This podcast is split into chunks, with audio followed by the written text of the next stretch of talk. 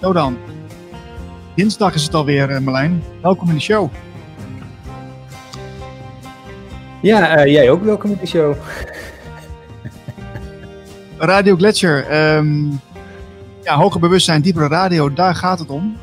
En we hebben vandaag weer een uh, bijzondere gast. Hebben de UFO's, we hebben geen graancirkel.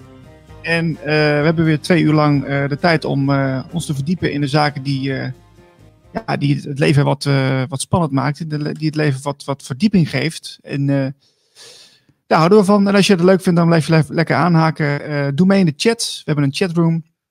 Of stuur even een mailtje naar info.radioglacier.nl.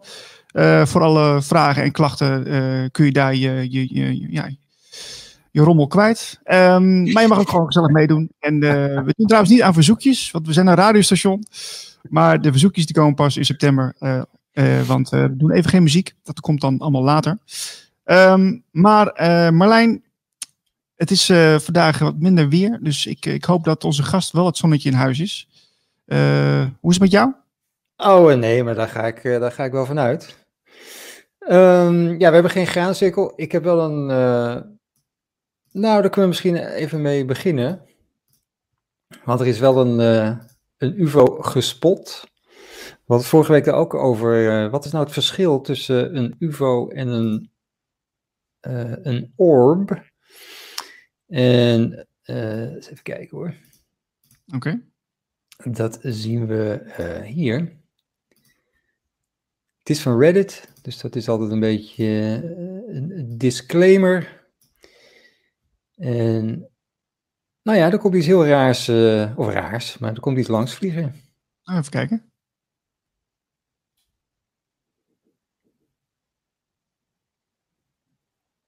Oep, dat was hem. Ah, dat was heel klein. Ja, heel snel ook. Ik moet goed, goed opletten. Ja, ja, ja, ja, ja, ja. Ja.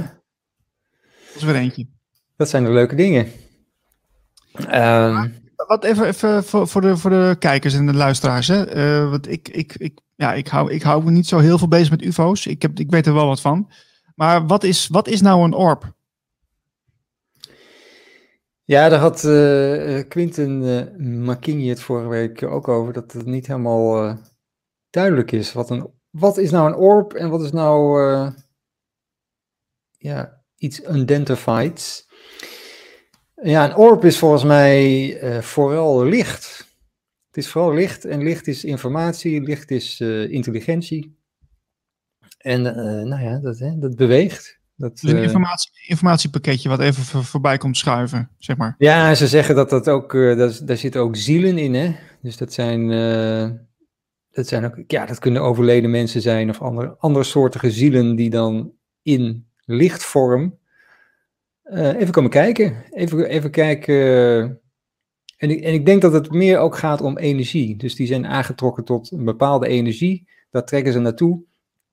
Je, je hebt van die foto's, dat hebben mensen dan uh, in, een, in een bos of zo. En dat, dat wemelt, dat zie je dan niet. Maar op de foto zie je het dan weer wel. Dat wemelt van de orbs. En ik denk dat dat gewoon, ja, die worden daar naartoe getrokken. Omdat die energie gewoon heel fijn is. Of in ieder geval dat die energie matcht met, met hun eigen energie. Dus dat is volgens mij een orb.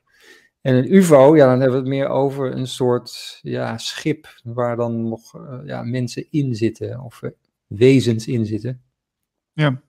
Die dan ook interdimensionaal zijn. Dus dan, dan lijkt het alsof, alsof ze heel snel gaan. Dan lijkt het alsof ze verdwijnen, maar ze, ze skippen gewoon van dimensie naar dimensie.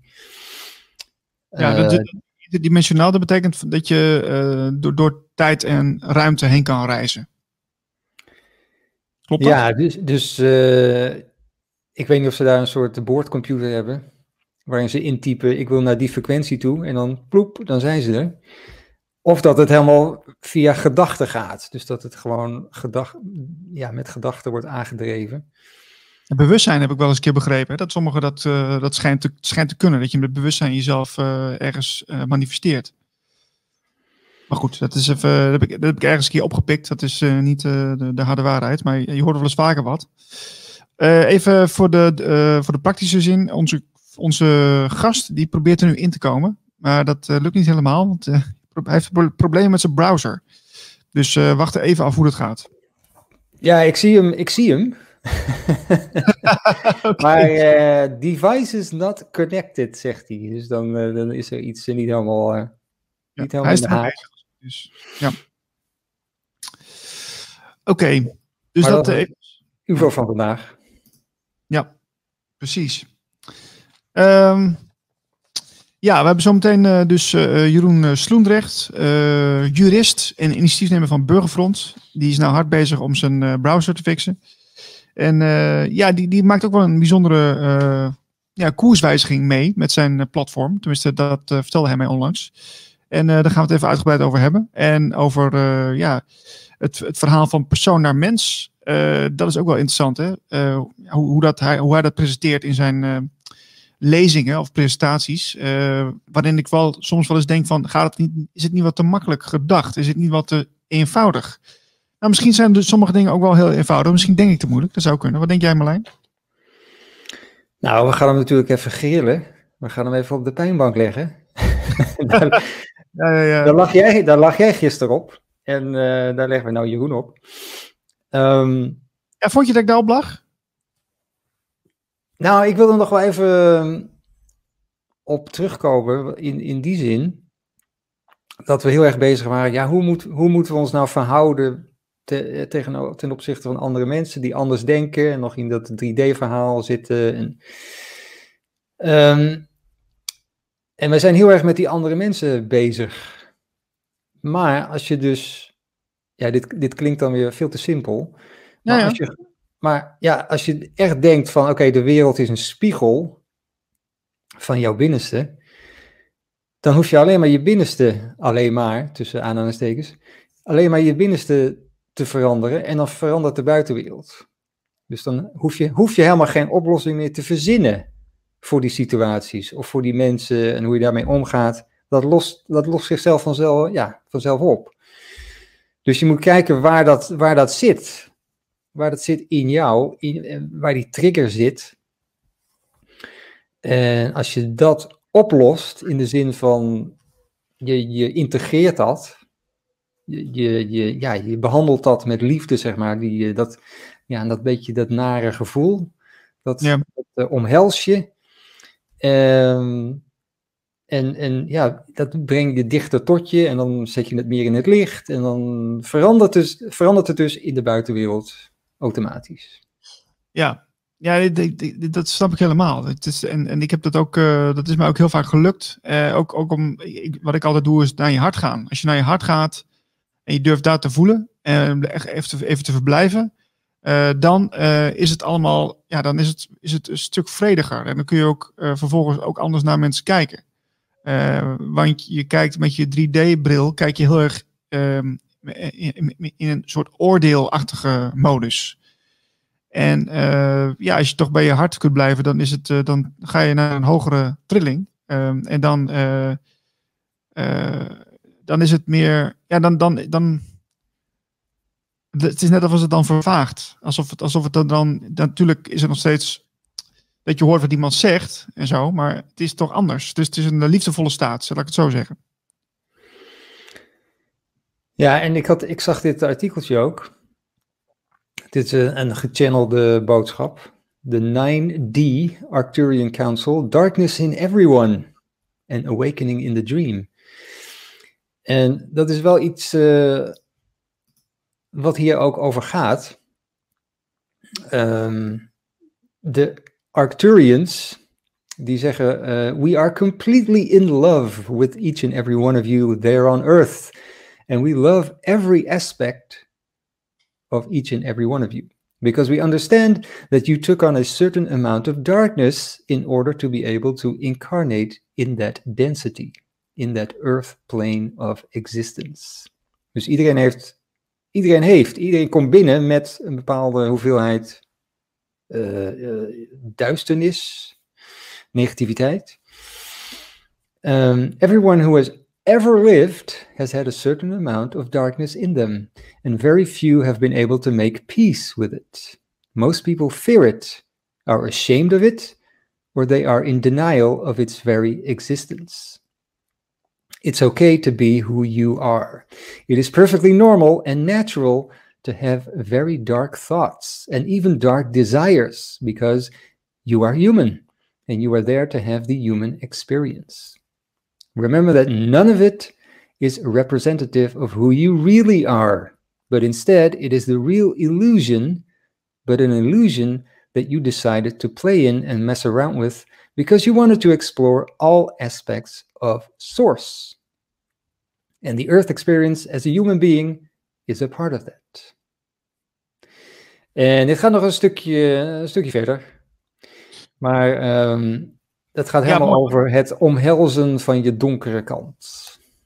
Heb jij, uh, nog, heb jij, heb jij veel uh, uh, ja, donkere, of laten we zeggen negatieve gedachten? Waar, waar je zelf wel eens van schrikt? wel, wel gehad. Maar dat, dat, dat is wel een beetje weggeëpt, moet ik zeggen. En ik weet niet precies waarom.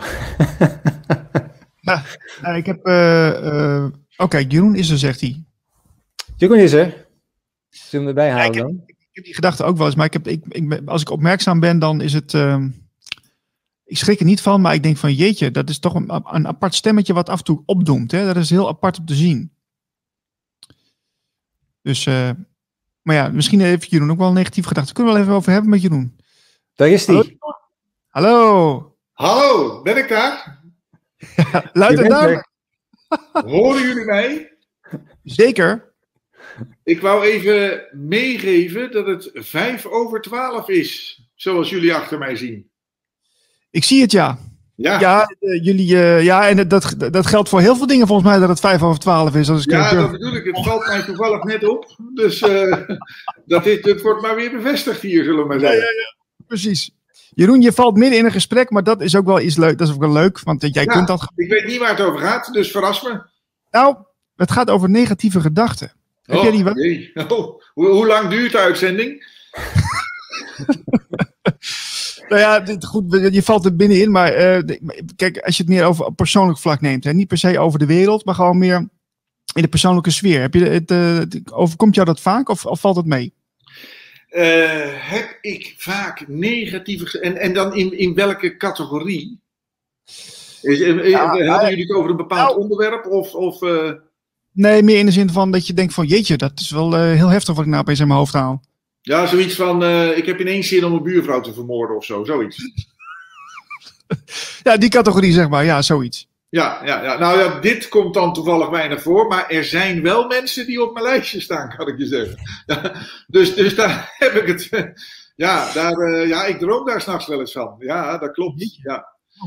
Maar uh, nou, ik, ik moet je zeggen, negatieve gedachten. Ik, uh, ik, ik zeg altijd van mezelf dat ik ben van nature een, een erg positief mens.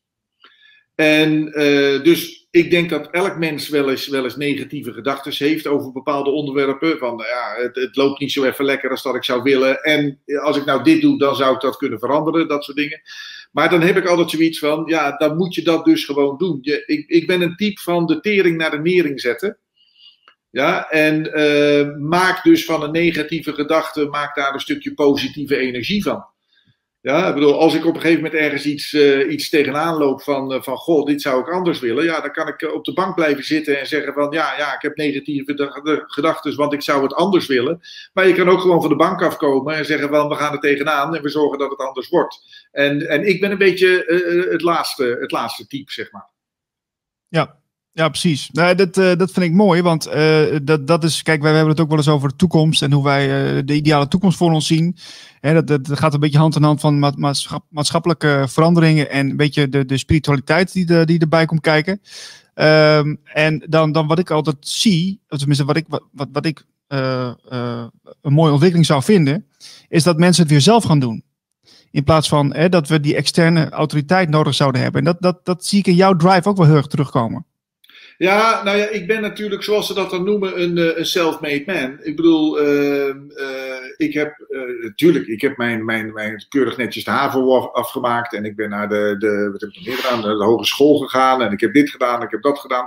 Ja, dus, dus ik heb natuurlijk wel, wel, wel mijn educatie gehad. Maar het is nou niet dat ik me gespecialiseerd heb in, in één bepaalde richting.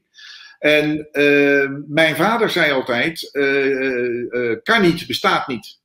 Ja, een scheet op een plankje spijkeren, dat kan niet, zei hij altijd. Maar de rest kan wel. Ja, en, en, en dat gingen we ook gewoon doen. Ja, dus, dus uh, geen gelul van ik wist het niet. Het moet gewoon gebeuren. En als je wil dat het gebeurt, dan moet je het gewoon in 9 van de 10 gevallen moet je het gewoon zelf doen. Ja, want, want de kans dat er iemand in één keer uh, aanbelt en zegt van ik kom het even voor jou doen, ja, die is vrij klein. Ja, dus uh, dus ik, ik ben altijd, ik heb dat van huis uit meegekregen en ik heb dat ook in leven zeg maar verder ontwikkeld als je iets wilt dat er gebeurt, ja, dan zul je er zelf wat van moeten maken. Ja, en, en dat blijkt dus ook in heel veel gevallen. En zeker ook in deze situatie. Uh, we zien allemaal dat, uh, dat, dat het een, een, een bepaalde kant op gaat uh, die, die veel mensen als niet goed bestempelen. Ja, als je dus wil dat het de andere kant op gaat, dan moet je dus niet blijven wachten. Dan moet je dus wat gaan doen. Simpel. Ja, ja. Voor, voor mij is dat niet zo moeilijk, maar Nee, nee, precies. Vorig jaar heb je met Burgerfront uh, uh, best wel stelling uh, genomen. veel vanuit de juridische hoek dingen opgezet. nu, ziet, nu trek je dat door en je bent lezingen gaan geven, of presentaties gaan geven. Ja. maar wat ik ook zie, we komen, komen zo bij het verhaal van de persoon en mens. Maar wat ik ook zie, is dat jullie ook toch een, meer naar de oplossingenkant willen met Burgerfront. Hè? Dus meer positieve geluiden willen laten horen van hoe het ook kan. Ja, wij zijn natuurlijk uh, als, als Burgerfront zijn we begonnen een jaar of uh, anderhalf. Uh, Burgerfront is eigenlijk twee jaar geleden al ontstaan. Maar werd ineens erg actueel toen natuurlijk de corona-idioterie over ons uitgestrooid werd. en toen zijn we dus daar inderdaad ingedoken. En, en zoals zo heel veel websites zijn wij begonnen met, met datgene wat ons verteld werd, zeg maar, te ontkrachten. Ja, en uh, ja, dus de, de PCR-test klopt niet en de cijfers kloppen niet. En, en uh, de, is, de virussen zijn helemaal niet wetenschappelijk aangetoond en, en noem maar op. Ja, dus dus uh, je gaat de boel zeg maar ontkrachten. Maar daarmee versterk je op een of andere manier toch het geluid. Want je herhaalt steeds diezelfde boodschap.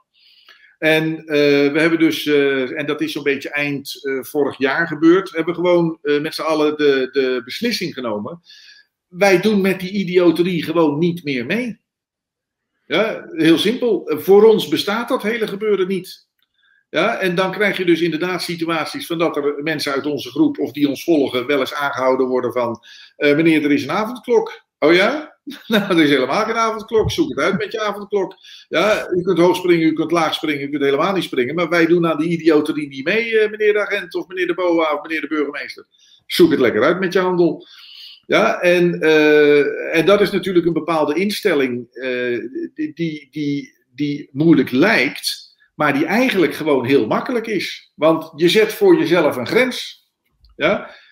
Uh, ik heb persoonlijk nog nooit een, mondkapje op gehad. En ik doe elke week boodschappen. Ja, ik loop ziekenhuizen in en uit, ik loop verzorgingstehuizen in en uit. Ik heb natuurlijk ook mijn familie en mijn moeder die verzorging nodig heeft en bla bla bla. Dus, dus ik ga er allemaal op bezoek en ik, ik doe dat allemaal. Er is niemand die aan mij ooit wat gevraagd heeft. Ja, dus met andere woorden, wat ik bedoel te zeggen, uh, ze zeggen wel eens succes is een keuze, ja, maar, maar, maar onderdanig zijn is ook een keuze. Ja, en uh, wij hebben in ieder geval voor onszelf besloten om dus aan die gekkigheid niet mee te doen. Ja, dus wij zeggen gewoon heel simpel van, uh, ja, leuk allemaal. Je kunt hoog springen, laag springen, je kunt helemaal niet springen. Maar wij doen aan die gekkigheid niet mee. Ja, en, en wat u daar verder van vindt, meneer de, meneer de burgemeester of meneer de agent. Er zijn eigenlijk weinig dingen die me minder interesseren. Ja, ja, en daar kunt u het dan mee doen. Ja, ja. Hoe luister je naar dat verhaal, uh, Marlijn? Nou, ik wil eigenlijk vragen hoe, hoe, jij dat ziet, eh, Jeroen, over deze, deze hele anderhalf jaar, deze idioterie. Of dat niet als functie heeft gehad om, te, om zeg maar, de massa te laten zien dat, dat, dat het hele zaakje eigenlijk corrupt is?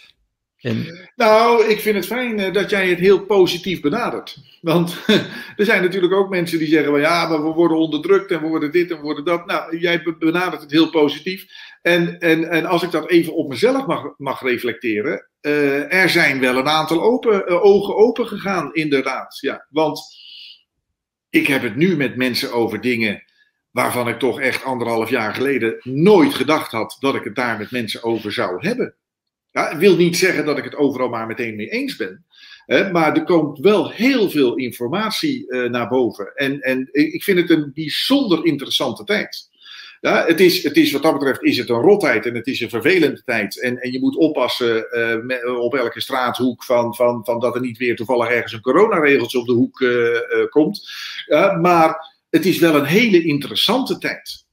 Ja, en net wat jij zegt, er komt verschrikkelijk veel los. En misschien is dat wel de bedoeling van deze tijd. Dat we met z'n allen inderdaad gaan, gaan wakker worden. Ja, en dan inderdaad kijken van uh, ja, wat er allemaal om ons heen gebeurt. Uh, het is eigenlijk allemaal idioterie. En willen wij dat wel? Ja, een hele benadering. Maar, jij, maar jij bent uh, jurist. Had jij het niet al veel langer door? Ja, nou weet je, ehm, als, als jurist begin je met het bestuderen van het wetboek.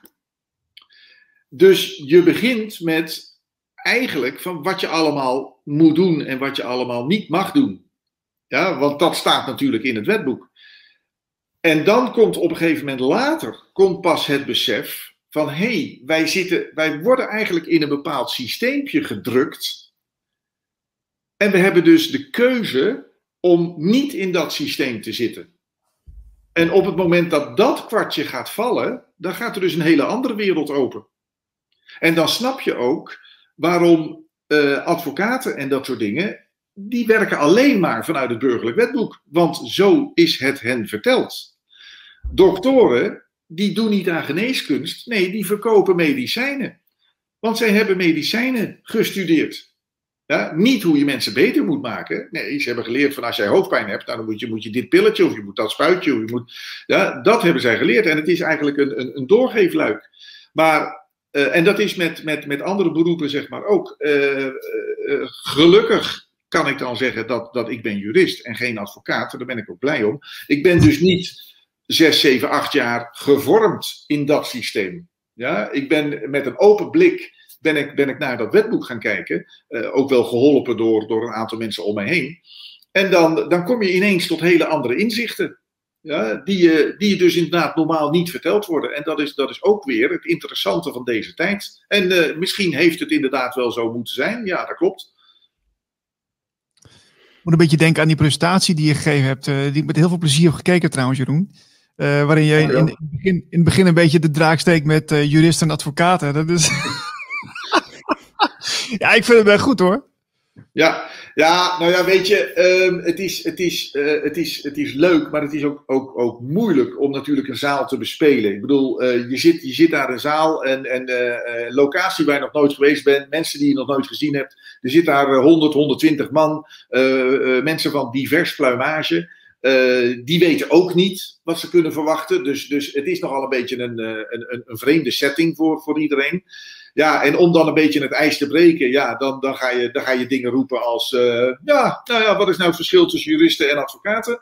Nou, wij, wij juristen, wij zijn, wij zijn knap, wij zijn wel bespraakt, wij, wij, wij weten hoe we het moeten doen, wij hebben een redelijk uurtarief.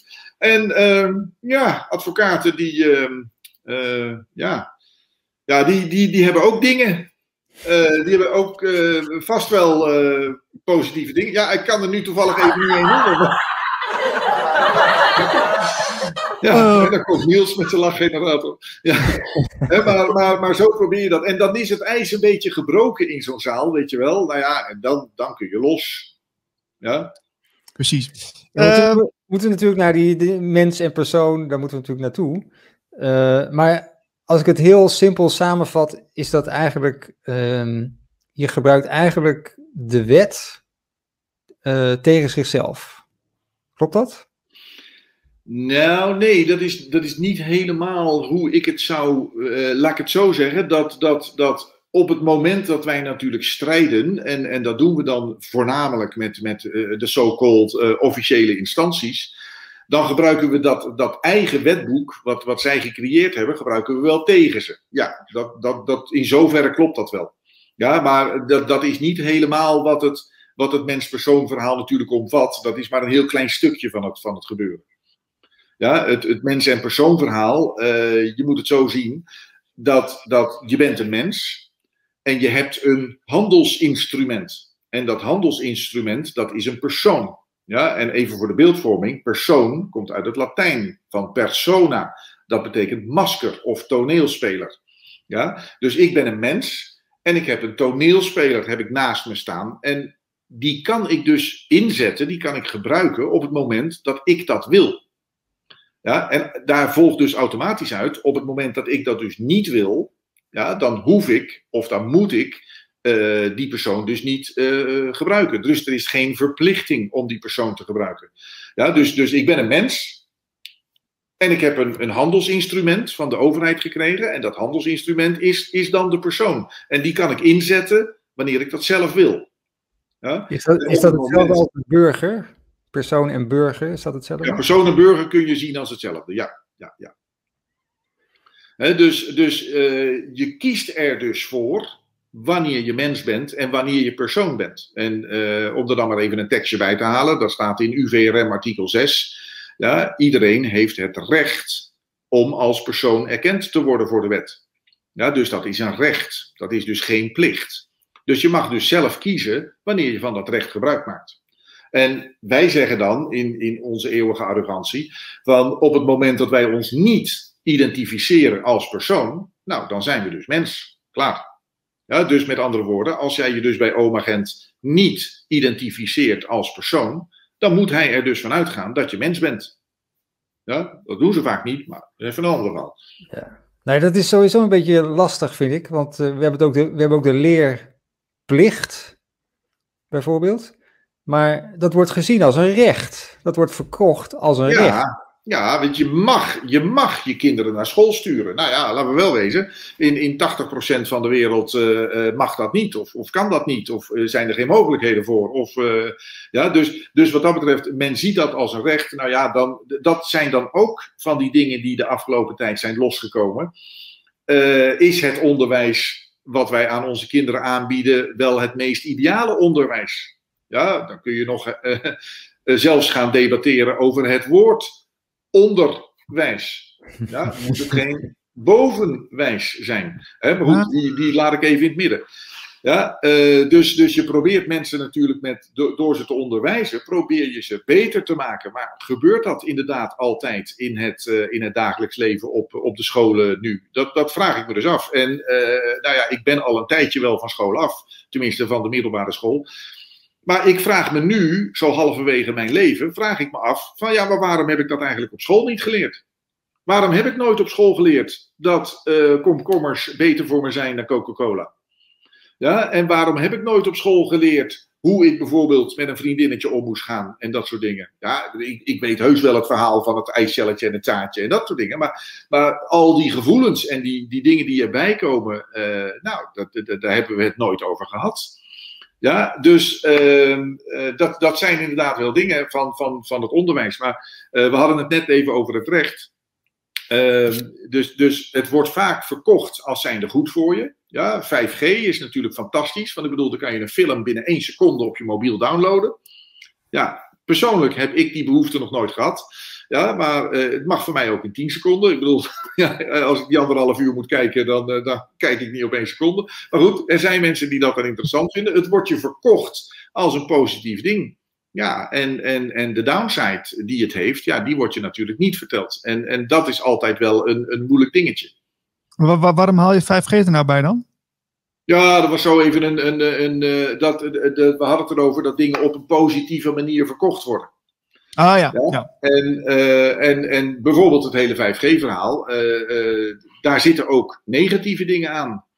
Ja, ik bedoel, we weten inmiddels allemaal wel dat straling. Ik bedoel, niemand zal het met mij oneens zijn dat je niet in een magnetron moet gaan zitten. En hem dan op 1000 watt aan moet zetten. Ja, dat zal iedereen wel met me eens zijn dat je dat niet moet doen.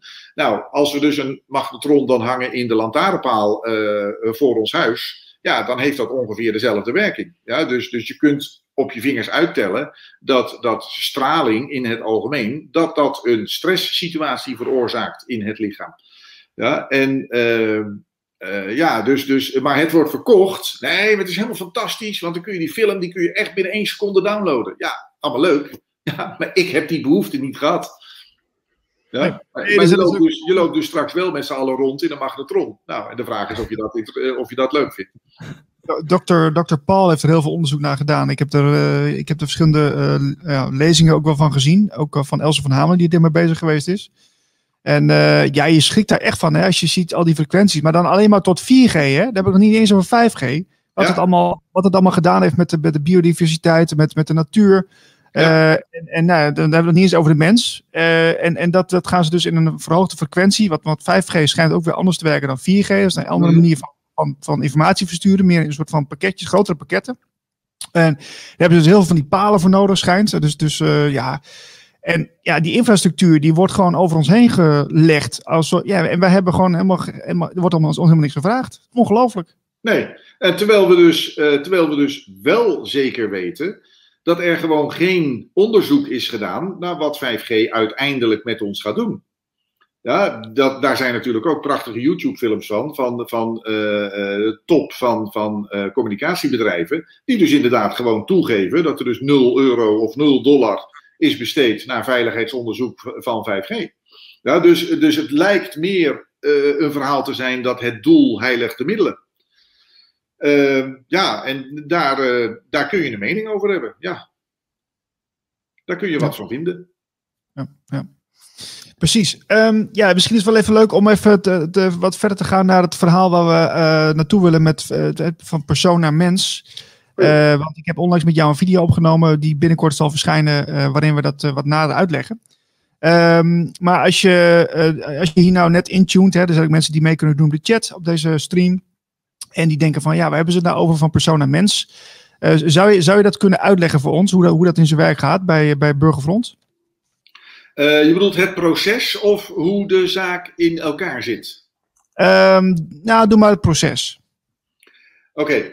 Okay. Um, nou, het, het, proces is feitelijk uh, eigenlijk heel simpel. Uh, en dat is dan een, een, een, pakketje wat wij gaan aanbieden, zo'n beetje vanaf eind van deze maand. Daar komt ook een nieuwe website voor. die website is nu nog niet in de lucht op het moment dat de mensen dit kijken. Maar die gaat dus eind augustus gaat die dus in de lucht. Dat is wordmens.nu. Ehm, en op die website gaan we dus uitleggen van wat je allemaal kunt doen om punt 1 mens te worden.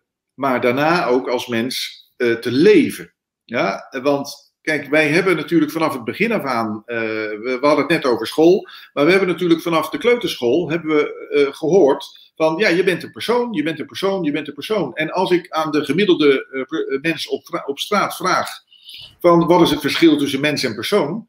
Ja, ja, dat is hetzelfde. Ben jij mens of persoon? Ja, ik ben allebei. Ja, ja, maar wat is dan het verschil? Ja, dat weet ik niet. Ja, dus de gemiddelde Nederlander weet eigenlijk het verschil tussen mens en persoon helemaal niet.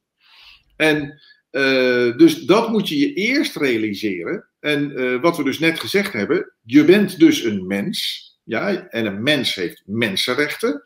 Alleen de overheid heeft een persoon van je gemaakt. En dan krijg je dus een persoonskaart. En dat noemen we ook wel een rijbewijs of een paspoort of een, of een ID. En zolang jij je dus maar identificeert met die persoon, dan ben je dus persoon. En val je in het burgerlijk wetboek en zijn jouw mensenrechten eigenlijk niet meer geldig. Ja, dus uh, dat klinkt voor mensen heel moeilijk, maar wat doet oma Gent nou als die jou aanhoudt? Je zit in de auto, je hebt geen gordel om. Oma Gent die, die houdt je aan. Wat vraagt hij dan als eerste? Ja, de ID-kaart. Hij vraagt een ID-kaart. Ja? Maar hij vraagt helemaal niet omdat hij wil, eh, dat hij wil weten dat jij Jan, Piet of Klaas bent. Nee, hij wil weten hoe jij je identificeert. Waar, jij, waar stel jij je gelijk mee? En dan, dan maak, ik wel eens, maak ik wel eens even gekscherend uh, uh, de volgende vraag. Van, ben jij mens of kanarie?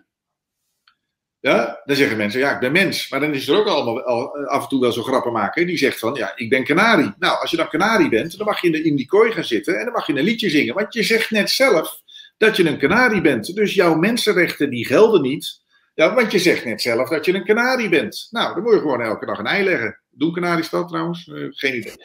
Maar volgens mij doen ze dat niet elke dag. Maar dit, dit even te zeggen. Ja? Maar, dus, dus je hebt dus de keuze. Ja, je hebt dus de keuze om je te identificeren. En je kunt je dus identificeren van het woord identiek, gelijkstellen met. Ja, je kunt je dus identificeren met een mens.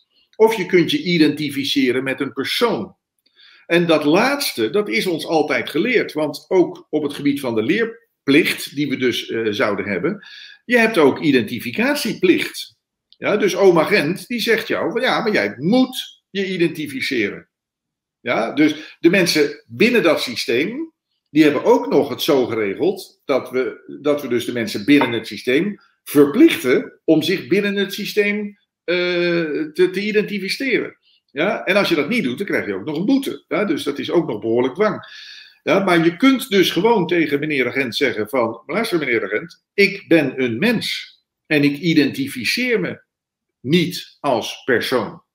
Ja, en ik snap dat u dat, dat graag wilt, dat ik dat doe, ja, want dan kunt u uw snode plannetje uitvoeren.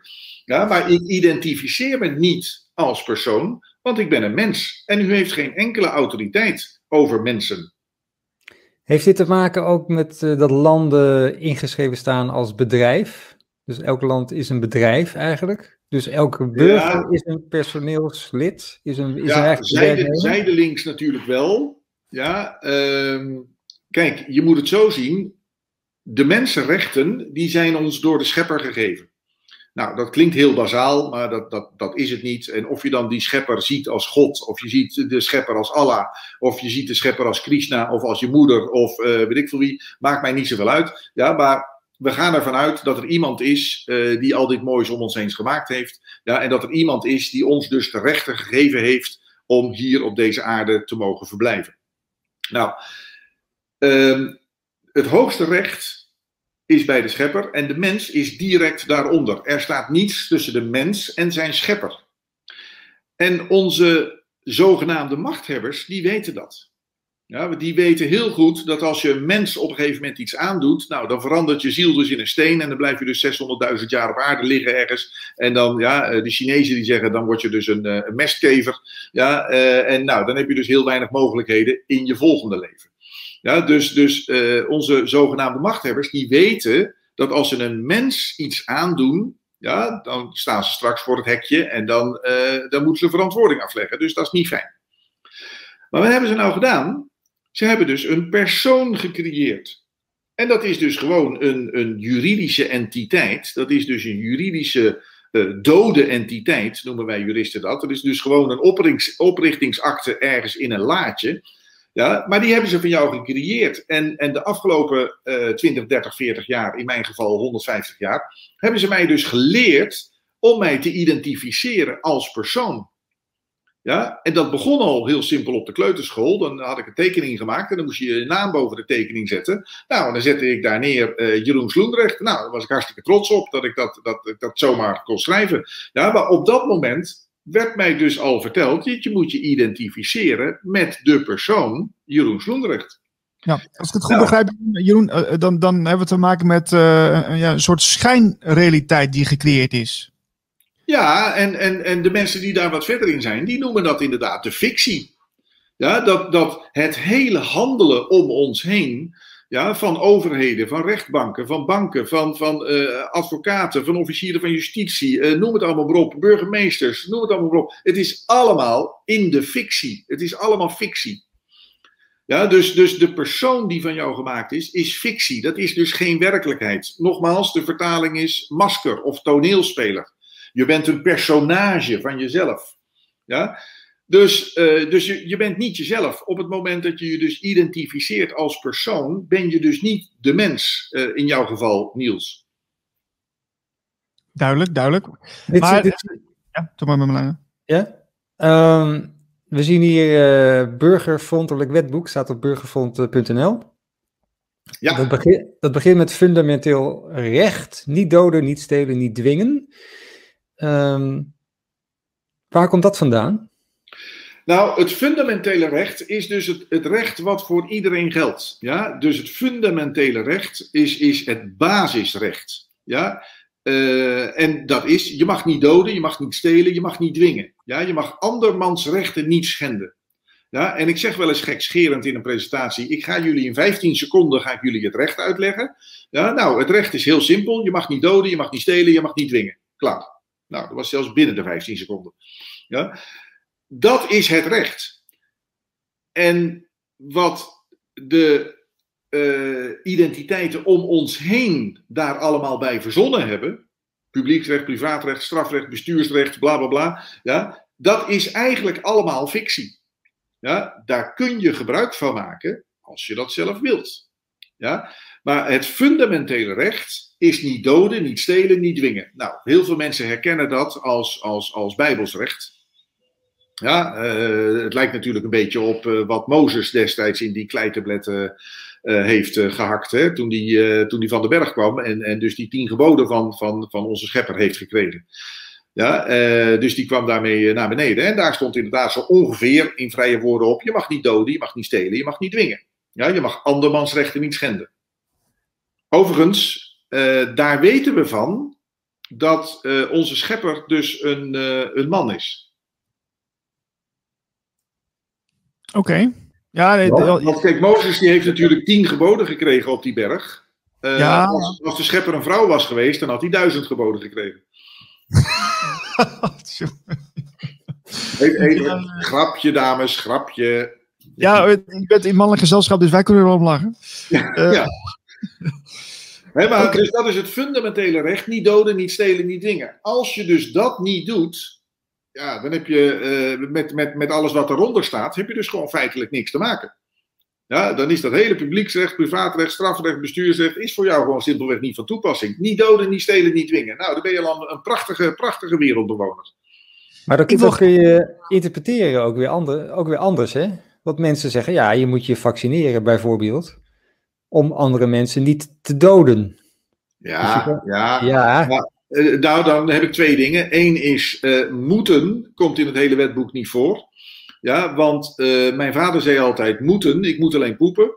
Ja, en daar had hij ook gelijk in. Ja, en dan, dan, dan ga je er nog vanuit dat vaccinaties in die zin zouden werken. Ja, want dat is natuurlijk ook nog maar de vraag. Want er heeft nog nooit onderzoek naar gedaan. Maar dit even tezijde. Um, en kennelijk is er dan een situatie waar andere mensen bang voor zijn. En die andere mensen, die gaan zich dan laten vaccineren, omdat ze dus voor die situatie bang zijn. En ze denken dat zo'n vaccinatie dan, dan hun beter maakt, of iets dergelijks. Of dat ze minder vatbaar zijn, of iets dergelijks. Nou, allemaal betrekkelijk, maar dat moet iedereen voor zichzelf maar uitvinden. Uh, maar dus met andere woorden, andere mensen die gaan dus vanuit hun angst aan jou vragen: jij moet je ook vaccineren. En ik zeg het nu als een vraag, maar ik heb situaties meegemaakt dat het wel een soort van dreigement is. Maar jij en ik zijn niet verantwoordelijk voor de angst van iemand anders. Ja, dus het woord moeten komt op dat gebied al helemaal niet voor. Ieder mens is een vrij mens. Ja, dus ik mag zelf bepalen wat ik doe. En zolang ik dus niet dood, niet steel of niet dwing, ja, is er dus niks aan de hand. Als jij mij gaat zeggen dat ik dingen moet doen omdat jij bang bent, ja, sorry, maar dan, dan zit het verkeerd in elkaar. Oké, in, die uh, presentaties kwamen ook een aantal uh, praktijkvoorbeelden naar voren, die, uh, die je mooi hebt laten zien. want dat wil ik wel eventjes nog even met je doornemen, want het, dat kan voor mensen ook wel heel handig zijn om zometeen te gebruiken. Uh, want uh, ja, dat is natuurlijk best wel spannend. Hè? Als jij op een gegeven moment uh, je woordje moet, moet nemen. Als je met een, met een agent in conclaaf moet. Um, wat, want daar heb je ook wat, wat, wat voor bedacht, hè? Ja, wij, wij proberen wat dat betreft natuurlijk zo, zo pragmatisch mogelijk te denken. Zo praktisch mogelijk. En, en daar hebben we dus ook een aantal video's al online gezet. die staan op dit moment op odc.com. Odyssey, odyssey.com geloof ik odyssee.com.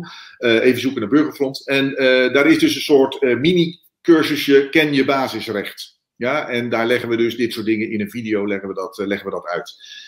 En we proberen het inderdaad zo praktisch mogelijk te maken voor mensen. Dus dat ze dus kaartjes kunnen downloaden. Het kaartje wat jij net liet zien, Niels, dat, dat kun je dus ook downloaden via de website van de Burgerfront. en daar staat dus op hoe het recht zeg maar in elkaar zit. En op het moment dat je weet hoe het recht in elkaar zit, ja, dan kun je daar natuurlijk ook naar gaan handelen. Daar kun je daarmee mee je argumentatie gaan uh, vervolmaken. Ja, en, en dat is wat we dus mensen uh, van harte aanbevelen. Ja, ga dat soort dingen oefenen.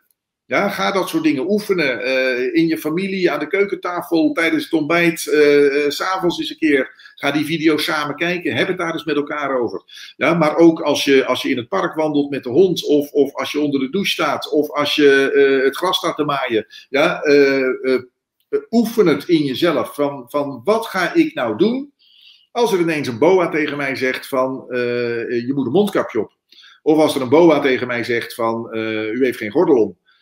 Of, of iets dergelijks. Wat ga ik dan doen? En, en dat is natuurlijk een stukje kennis, een stukje ondergrond, is erg handig. Ja, want kennis is macht. Nou, en dan, uh, we lieten net dat, uh, dat, dat schemaatje zien van privaatrecht en bestuursrecht en strafrecht. Het is heel simpel. Strafrecht is de wet. Ja, strafrecht, daar staat in dat je dus niet mag doden, niet mag stelen, niet mag dwingen. Ja? En daar wordt in bepaald van, nou, als je dus wel dwingt, dan uh, is dat artikel 365 wetboek van strafrecht. Uh, overigens voor een ambtenaar, voor een, uh, een privépersoon is het 284. Ja? En dan is dat twee jaar eenzame opsluiting of een geldboete van de vierde categorie. Ja? Dus dat is bepaald in strafrecht. Strafrecht is dus de wet. Niet doden, niet stelen, niet dwingen. En dat heeft er dus dan niets mee te maken of je je kind naar school stuurt, ja of nee. Ja, dus je kind onthouden van de leerplicht, dat, dat heeft niets met strafrecht te maken. Ja, dat, is, dat is regelgeving. Uh, dus strafrecht is de wet. Daar moeten we ons aan houden. Strafrecht geldt altijd. Nou, dan heb je privaatrecht. Dat is wetgeving. Ja, en je hebt bestuursrecht. Dat is regelgeving. Nou, het woord zegt het al, dat zijn dus dingen die je gegeven zijn. Iets wat je gegeven is, dat mag je dus beleefd weigeren. Ja, we hebben dan natuurlijk geleerd dat je een gegeven paard niet in de bek mag kijken. Ja, maar ik bedoel, uh, je kunt die, die fles wijn die niet te zuipen is, die je gegeven hebt, die kun je gewoon achterover in de plantenbak gieten en niemand die daar wat, die er wat vermerkt. Ja, dus, dus iets wat je gegeven is, dat mag je beleefd weigeren. Ja, dat mag je zelfs teruggeven. Nou, dat privaatrecht, dat is dus hoe een burger met een burger omgaat. Ja, dus Niels, ik koop jouw auto. Ja, eh, we spreken daar een prijs vooraf. We zetten ja, eh, de type en, en eh, de kleur en de prijs zetten we even op een stukje papier. En we hebben een contractje. Ja, en dan moeten we ons daar allebei aan houden. Ja, jij moet mij de auto leveren en ik moet jou uh, de, de, het bedrag uh, vergoeden. Ja? ja.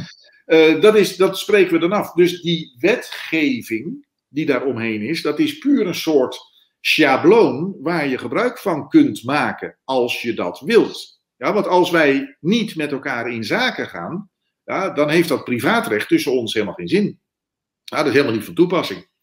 Ja, dus dat is regel, uh, sorry, dat is wetgeving, dat is je gegeven. Je mag daar gebruik van maken als je het wilt. En zo is hetzelfde met regelgeving. Dat komt dus vanuit het eh, bestuursrecht. Dat is regelgeving, dat is je dus gegeven vanuit de overheid. Nou, daar mag je dus gebruik van maken als je het wilt.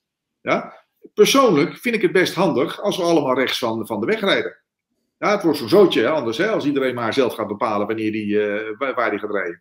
Ja, en uh, ik vind het ook best handig, dat we hebben afgesproken, dat je bij rood licht uh, stopt en dat je bij groen licht doorrijdt. Ja, vind ik best handig. Ja, want nogmaals, anders dan wordt het ook maar zo'n zo'n gedoe. Maar als er nou dingen ingaan rechtstreeks tegen mijn vrijheid, ja, bijvoorbeeld je moet een mondkapje op, of je moet thuis blijven voor een avondklok, ja, dan zeg ik, wow, even, dat maak ik altijd zelf nog wel uit. Want welke schade breng ik dan de maatschappij toe als ik s'avonds na negen uur de straat op ga? Ja, dat is dan maar de vraag. Dus als die schade niet vastgesteld kan worden, ja, dan is die schade er dus kennelijk niet. Kijk, bij doden, stelen of dwingen, daar kun je een schade vaststellen.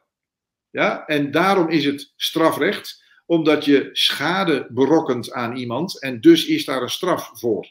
Ja? Ja, maar Jeroen, eh, wa- wa- wat nou hè, als, eh, als, als, ze de, als, als de regering op, of een andere ehm, autoriteit zegt van... Ja, we hebben nou wel eh, kunnen aantonen dat er inderdaad dat we schade ondervinden... doordat heel veel mensen geen mondkapje opdoen. Hè? Er is een nieuw onderzoek gedaan, ik, ik noem maar wat. Hè? En dat ze dat dan inbrengen. Wat, wat, wat kun je dan doen? Heel simpel. Toon het maar aan. Ja? Toon het maar aan dat het zo is. Want dan zul je dus eerst dat virus moeten aantonen. Wat tot op heden in de afgelopen 100 jaar nog steeds niet gebeurd is.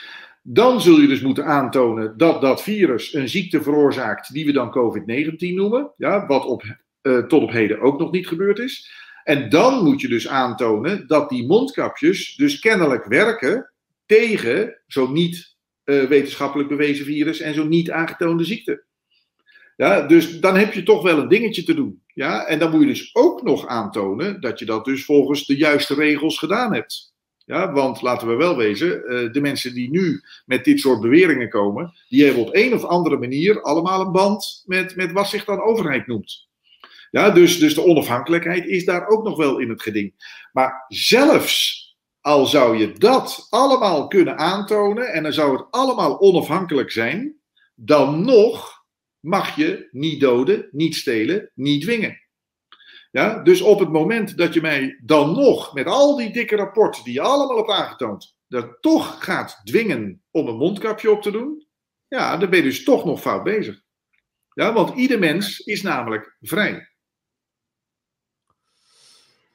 Alright, alright. Ehm, ja, wat, eh, wat ik ook wel interessant vind is om, om echt een, een, een, even een praktijkvoorbeeldje eh, nog even te, te doen. Eh, want dat, dat, dat daar ben je ook goed in trouwens. Je kunt het goed, goed uitleggen, stapje voor stapje, zodat mensen eigenlijk daar meegenomen worden in, in zo'n in zo'n situatie.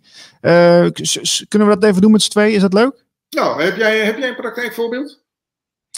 Nou, ik vind, ik vind eh, ja, misschien is het misschien simpel om te beginnen. De politieagent die, eh, die me aanhoudt omdat ik eh, geen anderhalf meter hou of zo. Of, of bijvoorbeeld, hè? Ja, nou, dat kan. Ja, ben jij, jij bent agent, begrijp ik? Ja, is goed. Laten we doen. Laten we doen. Ja, dan nou, we- doen we het even live. Ja.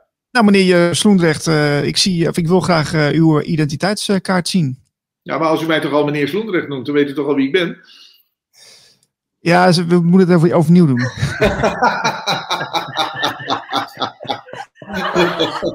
Slecht, hè? Maar dit is eventjes een instinker natuurlijk. Hè? Dit, dit, dit, Ja. dit, dit doe ik voorbereid. Ik bedoel, eh, hallo. Maar meneer, ik wil graag eh, uw identiteitskaart zien. Oh, oh, nou, dat vind ik interessant, eh, meneer. En wie bent u, als vraag maar? Ik, ben, ik ben de agent. Ik ben de wijkagent. Ah, oh, u bent de wijkagent hier. Oh, nou, het is een hartstikke mooie wijk hier, dus u moet vast een hele fijne baan hebben, of niet? Zeker, ja, het is heel Ja. fijn hier. Ja, dat dacht ik. Ja, en dat u hier toch maar gewoon buiten rond mag lopen. En eh, ja, ik vind dat hartstikke leuk. U wordt er nog voor betaald ook. Ik vind het helemaal geweldig, meneer. Maar eh, u zegt dat u agent bent. Eh, kunt u dat ook even aantonen, alstublieft? Ja, dat kan ik. Nou, dat, is, dat laat ik dan nu zien. Ik heb hier een ID-kaart van de, van de Nou, politie. even, even voor de mensen thuis. Eh, eh, volgens de ambtsinstructie handhavers artikel 2b moet een agent op eerste verzoek zijn legitimatie laten zien. En als hij dat niet doet, dan pleegt hij dus zelf al een strafbaar feit. En uit dat strafbare feit is dus alles nietig. Ja, dus als hij zi- zich niet zou identificeren en hij schrijft wel een boete uit, dan is die boete dus nietig. Ja, Ah. dit, dit even te zijn. Maar ik, ik zie uw, eh, ik zie uw eh, pasje, meneer. Eh, Ja. U bent, u bent agent Jansen dan kennelijk. Wim, Wim Jansen, nou heel interessant. Ik zie hier ook hier uw verbalisanten nummer.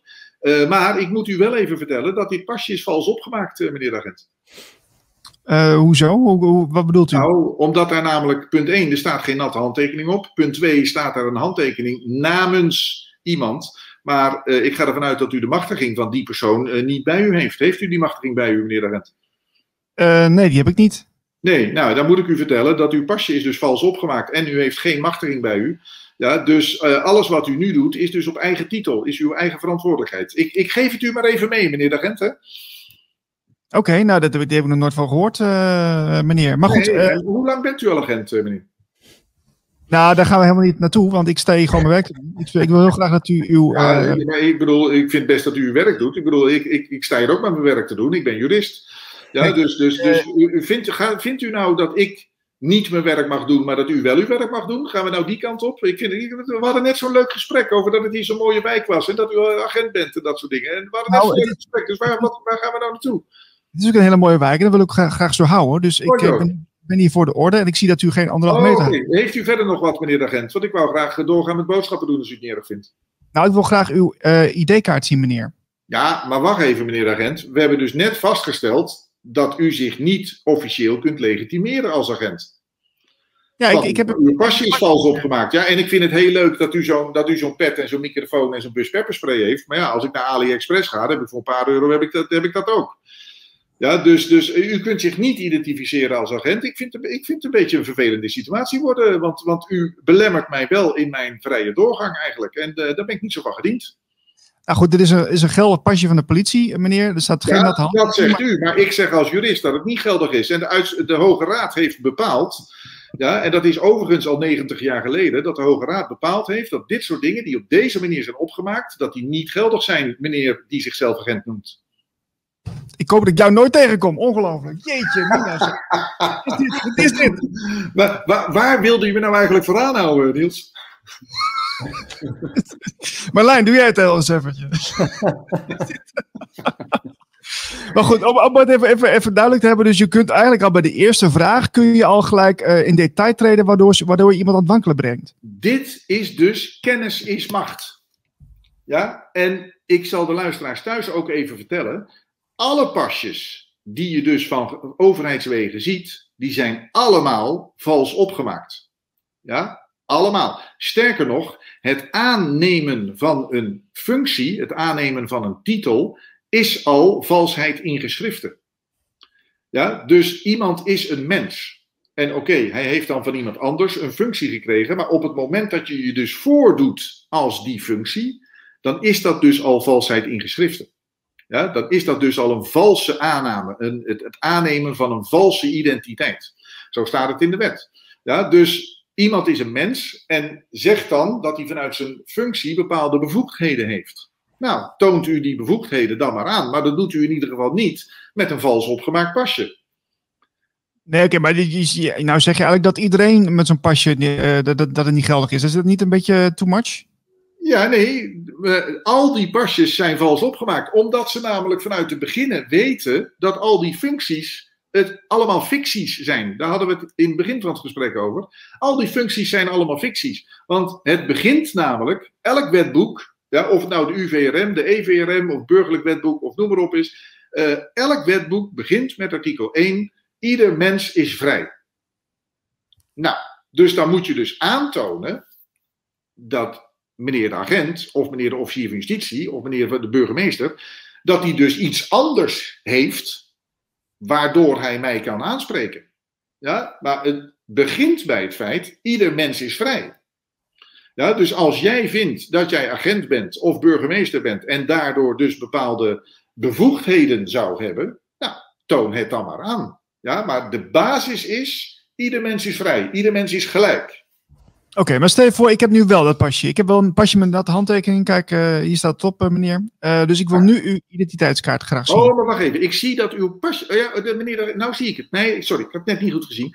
Ja, kijk, hier is die juist goed hoor. Ja. Ja, ja, ja. Nee, nou zie ik het. Ik zie dat uw pasje is opgemaakt door de burgemeester van, van, van, van, van Dukstad, waar u dan woont. Ja, en ehm, eh, dat, dat zie ik nu. En ik herken ook de handtekening van deze meneer. Maar heeft u dan een bewijs van de bevoegdheden dat hij dus de bevoegdheid heeft, dat hij u de bevoegdheid mag geven om mij hier aan te houden en te vragen naar persoonlijke dingen? Heeft u die bevoegdheid eh, bij u, eh, meneer eh? Eh, toevallig vandaag, ja, die heb ik wel. Kijk, zo. Oh, oké. Ja, ja, ja. Maar wacht even. Want ik zie dat u een brief heeft van de burgemeester. En daar staat dus ook inderdaad in dat u mij mag aanhouden. Ja, want Ja. leuk dat mijn naam daar ook staat. Maar goed, even, even, even voor de beeldvorming. hè. Ehm, maar die burgemeester, door wie is die eigenlijk aangesteld? Eh, Want die hebben niet gekozen, hè, die burgemeester. Nee, nee die burgemeester die is, die is hier neergezet. Die is aangesteld. Hè? Dat is uw baas, hè, die burgemeester. Ja. Nou, ik zal u helpen. Die is door de koning is die hier neergezet. En hoe is die koning koning geworden, meneer de agent? Hoe is Wat de koning schreef- koning Wat schreef hij nou altijd boven zo'n zo'n wetsvoorstel? Wij, Willem-Alexander, koning van Nederland, bij de gratie gods. Nou, dan zou ik dat document van die gratie gods zou ik graag even van u willen zien. Ja, die heb ik dus niet. Nee, dat kan ook niet. Ja, want u, ik, ik, ik, ik, ik heb u heel hoog in mijn achting, eh, meneer de agent. Maar dat u een brief zou hebben van onze lieve heer, dat Willem-Alexander koning van Nederland mag worden, nee, dat gaat toch uw pet ook te boven. Nou ja, zeker. Dat, dus dat klopt. wat ik even wil vaststellen, meneer, ik sta hier als mens. En u heeft geen enkele bevoegdheid om mij als mens aan te spreken op het moment dat ik geen strafbaar feit pleeg. Ja, dus tenzij u kunt aantonen dat ik aan doden, stelen of dwingen ben. Ja, en tenzij u kunt aantonen dat iemand daar aangifte van gedaan heeft, want dat moet ook nog eens een keer. Ook nog. Ja? Oh ja. Dan ben ik dus vrij om te gaan en te staan waar ik wil. Dus eh, verder nog iets. Wilt u, wilt u verder nog iets met dit gesprek, meneer? Nou, ik vind het nou wel genoeg. Ik kan me voorstellen. en dan ben ik nog niet eens begonnen over mijn contract. Wat ik dan Nee, met maar u ga. Nee, maar kijk, wat we nu kunnen vaststellen is dat, eh, kijk, heel, ja, laten, we zeggen, laten we zeggen 90% van de mensen, eh, nou, laten we, laten we leuk zijn vandaag, 80% van de mensen, die eh, zal zeggen van, ja, alsjeblieft, en ik, ik, ik zal afstand houden en klaar, weet je, die gaat door. Maar wat, wat we dus kunnen zien is dat we, dat we zo ontzettend Ja. doordrongen zijn van dat er een autoriteit boven ons is waar we aan moeten gehoorzamen, Ja, continu. Maar je hebt vast wel eens, je hebt vast wel eens een Indianenboek gelezen. Jazeker. Ja? Nou, eh, cowboys en Indianen was altijd spannend, weet je wel. Eh, vroeger in het park, weet je wel, met de kindjes uit de buurt. Ja, jullie zijn de Indianen, wij zijn de cowboys, weet je wel. En als je dan dat Indianenboek leest, dan zie je dat ze zichzelf dus beschilderden in oorlogskleuren. Ja, en dat, dat deden heel veel stammen over de hele wereld eh, vroeger, hè? misschien nu ook nog wel. Ja, dat de Maori's in, eh, in, in weet het waar, Nieuw-Zeeland en de Aboriginals, en, die hadden allemaal van die, van, die, van die krijgsstooien en hadden ze veren en dingen. Waarom deden ze dat? Dan zagen ze er namelijk indrukwekkend uit. Ja, en dan werd de, de vijand, die werd al een beetje bang. Nou, waar denk je dan dat die strepen op zo'n politiepet en zo'n zo'n uniform en zo'n microfoon en zo'n bus pepperspray en dat soort dingen vandaan komen? Dat is puur gemaakt om er indrukwekkend uit te zien. Ja, dus, en dan lopen ze ook nog een beetje, beetje, beetje dit, hè? Ja, zo lopen ze dan. Oh, ik ben, eh, ik ben agent. Ja. Ehm, en dat is om jou te imponeren. Maar als je je dus niet laat imponeren, dan ziet de wereld er heel anders uit. En dan zeg je gewoon, nou meneer de agent, ik, ik, vind, ik, vind echt, ik vind het hartstikke leuk dat u hier uw werk doet hoor. Ik vind het helemaal geweldig. Ja, maar niet tegen mijn vrijheid. Ik respecteer uw werk hè. Geweldig. Maar- Ja, gaat u lekker, gaat u lekker eh, mijn oma helpen oversteken en haalt u de kat uit de boom. Ja, en als ik op vakantie ben, dan rij je een extra rondje rond mijn huis, weet je wel. Vind, ik- ja, vind ik fijn. Ja, en daar betalen we u ook voor. Maar we betalen u niet om mijn rechten te schenden. Maar Merlijn, wat vind jij hiervan? Wat vind ik hiervan? Nou, ik heb een eh, vraag in de chat van iemand, van eh, Oh. Buddy Daler. Wanneer is een functie dan wel geldig? Simpel, nooit. Kijk, ja, nee, ja, het klinkt misschien heel bazaal, maar dan kom ik bij, het, bij, bij, bij wat, ik, wat ik wel vaker zeg. Er zijn dus mensen in Den Haag die gaan beslissen dat ze op jouw fiets mogen fietsen. Zonder dat je daar dus zelf iets van weet. Nou, heb je daar zelf ook nog wat over te zeggen? Ja? Ik bedoel, als ik hier naar de buurman ga en ik, ik doe de, de, de poort open en dan zegt hij, wat kom je doen? Ja, kom even op jouw fiets fietsen. Nou, dan, eh, dan, dan krijg ik de waterslang over me heen, eh, kan ik je zeggen.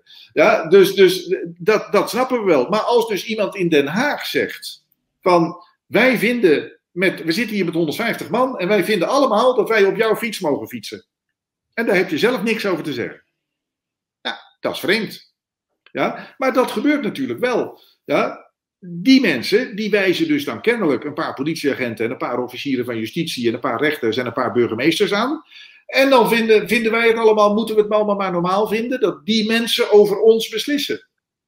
Nou, dat kan dus niet, want ieder mens is vrij. Ja, dus, dus zelfs de koning hemzelf ja, eh, is gewoon niet bevoegd om over jouw vrijheid te beslissen. Tenzij, tenzij je je niet identificeert als mens, maar je identificeert als persoon. Ja, want als persoon ben je naar de stembus gegaan en heb je gezegd van ik laat mij vertegenwoordigen. Ja? En dan heb je dus een van die 150 mannen in Den Haag of vrouwen in Den Haag uh, uitge, uitgekozen. En dan heb je gezegd van ja, doet u het maar voor mij. Nou, en als die persoon in Den Haag dan op een gegeven moment zegt van ja, maar wij wijzen een politieagent aan en die, die mag jou bekeuren. Ja, als persoon heb je dat maar te pikken. Ja? Jeroen, ik heb een vraag. Ik heb een vraag. Nou, niet. Wat, nou, kijk, uh, we hebben natuurlijk het systeem dat je één keer in de vier jaar mag stemmen, mag je stem uitbrengen uh, voor, voor, uh, voor de nieuwe partij. maar wat nou als je, de, als, je, als je er bewust voor kiest om het niet te doen? Hè? Wat, wat is daar dan het voordeel van? Nou, dan gaan we even terug. Wat doe je nou als je gaat stemmen? Ja, je krijgt zo'n stemkaart. Ja, dan ga je op een gegeven moment uh, woensdagmiddag uh, ga je naar de kleuterschool op de hoek. En dan uh, zit er daar zo'n tafel en dan krijg je zo'n. zo'n dan moet je je dus eerst legitimeren. Ja, dus je stemt als persoon. Je stemt dus niet als mens, je stemt als persoon. Ja, dan krijg je een stembiljet en dan maak je dus een, een, een vakje maak je rood. Ja, en dan doe je dat in die melkbus die daar, die daar staat. En dan heb je gestemd. Dan heb je dus letterlijk je stem weggegeven. Ja, want je zegt, ik heb zelf geen stem meer, ik hou zelf mijn mond. En ik geef iemand in Den Haag, Van Meijeren, Ascher, Klaver, Jette, uh, noem maar iemand op. Ja, die wijs ik aan dat hij het voor mij moet doen. Maar ik doe dus zelf niks meer. Ja. Nou, en dan krijg je dus de situatie dat die mensen voor jou gaan beslissen. Ja? En de ene keer ben je het daar misschien mee eens, maar in, vaak ben je het daar niet mee eens. Ja? Uh, dus, uh, maar, maar dat is dus de situatie. Wat is dan dus het voordeel als je dus niet stemt? Ja, en uh, dan ook nog, want er zijn uh, twee methoden om dus je toestemming te geven. En stemmen is dan een actieve methode. Ja, dus je geeft actief toestemming om je te laten besturen. Ja, maar je kunt ook passief toestemming geven om je te laten besturen. En passief uh, toestemming geven doe je bijvoorbeeld door niet te klagen.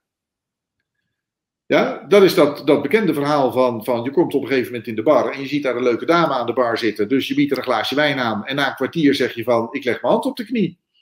Nou, zegt ze er niks van, dan heeft zij passief toestemming gegeven.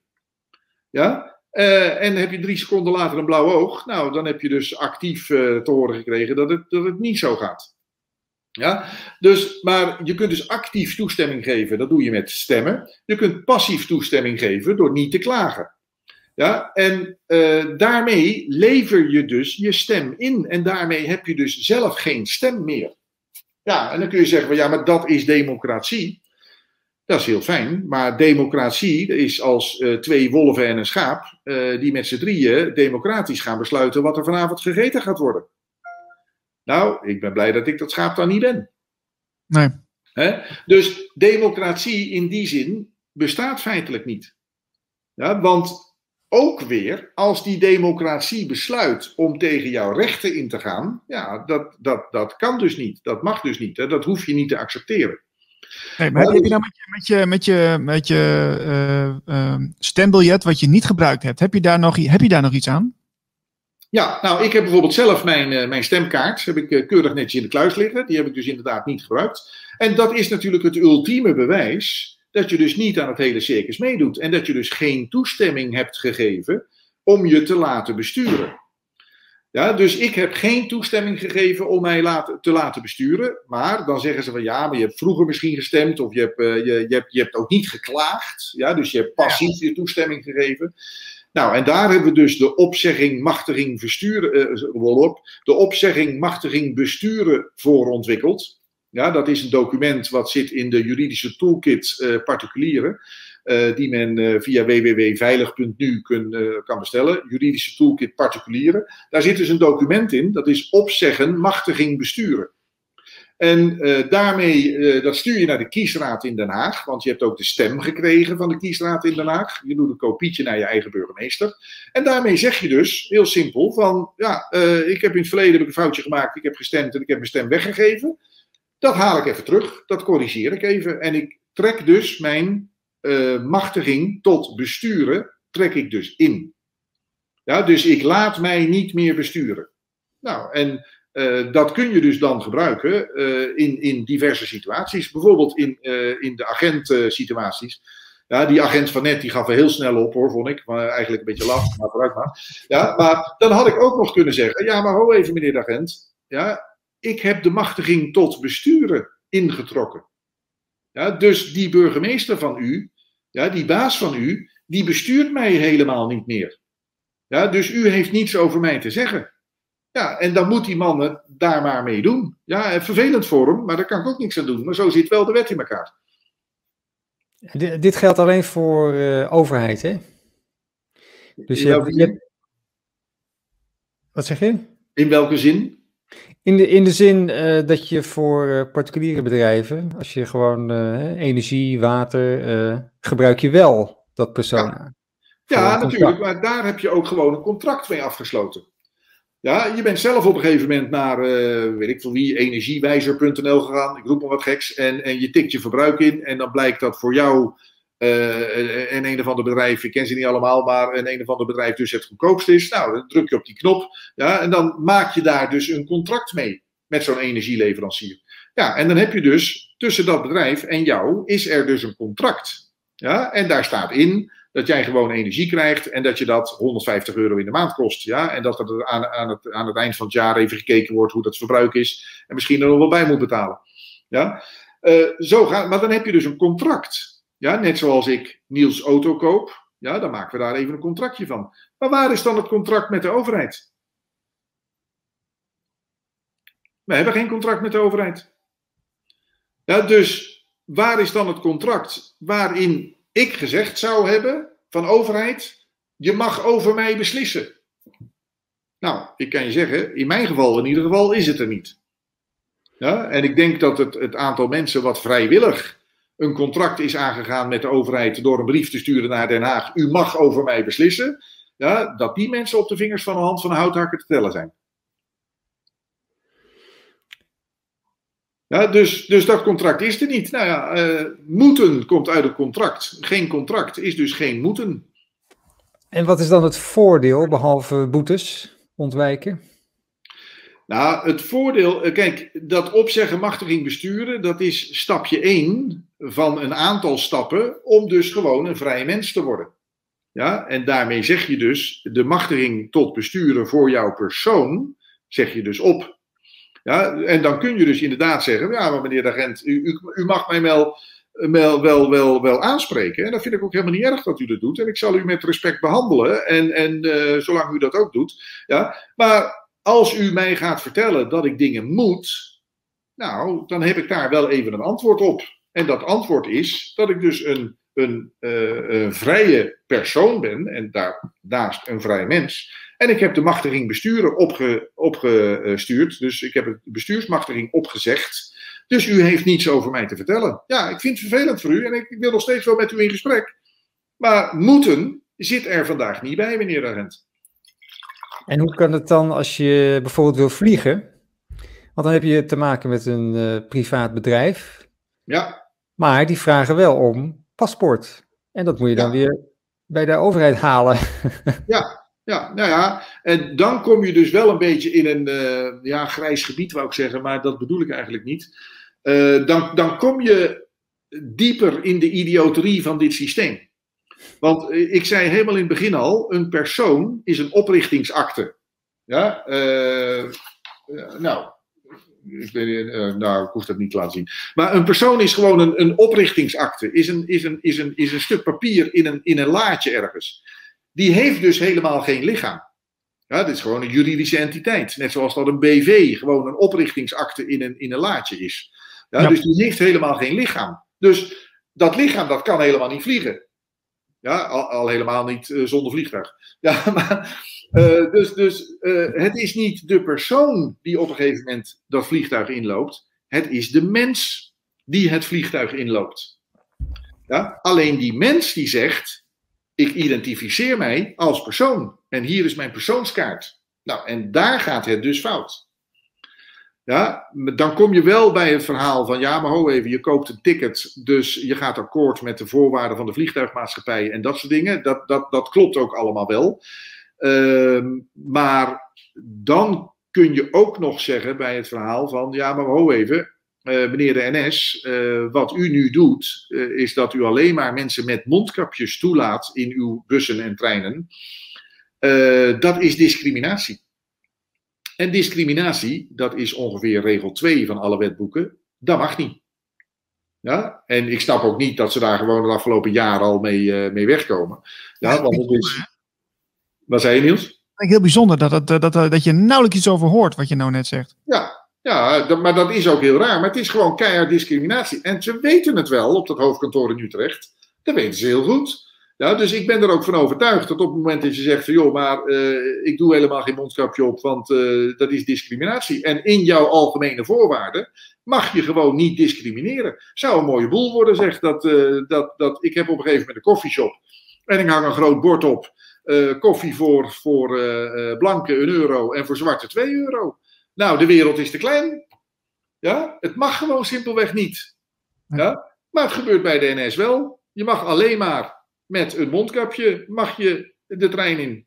Ja, want dat vinden wij. Ja, maar hogere wetten, hogere wetten dan eh, de, eh, de algemene voorwaarden van de Nederlandse spoorwegen, hogere wetten, die zeggen dus dat het niet mag. Ja, en je mag in je algemene voorwaarden niet tegen hogere wetten in. Ja, dus dus eh, klaar. Ja, Dus, dus al die mensen die een, bon hebben gekregen omdat ze zogenaamd geen mondkapje zouden hebben, in, ja, die kun je, kun je gerust aanvechten, kun je gerust terugsturen. Het is gewoon discriminatie. Het mag niet. Ja, ik wil, ik, eh, ik wil eventjes ehm, een sprongetje maken. Want eh, eh, kijk, we, we zitten dus eigenlijk in, een- in een fictieve realiteit te vroeten met, met allerlei regeltjes en zo. Hè. Dat, dat, dat, is, Ja. dat is wat we kunnen vaststellen. Ehm, jij, jij- jij, beroept ons eigenlijk weer op de mensenrechten, dat we mens zijn, oké. Maar, eh, want, want ik wil eigenlijk nog een stapje verder gaan. Want eh, ja, ja, dat kan best. Stel, je voor, heel veel mensen krijgen het door. Hè, men- mensen zo hebben zoiets van, dit, dit klopt niet, we moeten er anders mee aan. Eh, we, moeten, we moeten het gewoon misschien wat simpeler houden. En we moeten sowieso niet die externe au- autoriteit steeds de, de boventoon laten vo- voeren. Maar gewoon meer naar onszelf. Hoe zouden we dat in de toekomst, heb je daar een idee over? Hoe we het, hoe het in de toekomst anders zouden kunnen doen? Voor, dat het beter wordt voor de mens? Ja, nou, ik denk dat we al een hele, hele stap gemaakt hebben. eh, als we dit mens- en persoonverhaal goed gaan begrijpen. Ja, ik denk dat we al een hele stap gemaakt hebben. Als mensen zich realiseren dat ze dus mens zijn. En dat ze een, een instrumentje van de, van de overheid hebben gekregen. En dat dat een persoon is. Ja, en dat je dus zelf kiest wanneer je mens of persoon bent. Ja, want kijk, laten we wel wezen. eh, er is natuurlijk niks mis mee om, om met, een, met, een, met een rijbewijs op zak te lopen. Ja, er is niks mis mee. Ik bedoel, eh, je kunt dat in ieder geval aantonen aan mensen van, nou ja, ik heb, ik heb ergens examen gedaan en ik heb, ik heb, eh, eh, ik heb de rijbevoegdheid. Ja, ik bedoel, niet dat je dat als mens nodig zou hebben. Ja, maar sommige mensen vinden het prettig om, om, om binnen kadertjes te vallen. Nou, prima, dan neem je een rijbewijs. Ja. Ehm, dat moet je dan op het gemeentehuis moet je dat gaan aanvragen. Nou, prima. Dan zet je op de stoep van je gemeentehuis zet je dus je persoonspet op. Ja, je loopt het gemeentehuis in, je levert je oude rijbewijs in, je krijgt een nieuw rijbewijs mee en je loopt het gemeentehuis eruit. En daar zet je je persoonspet weer af.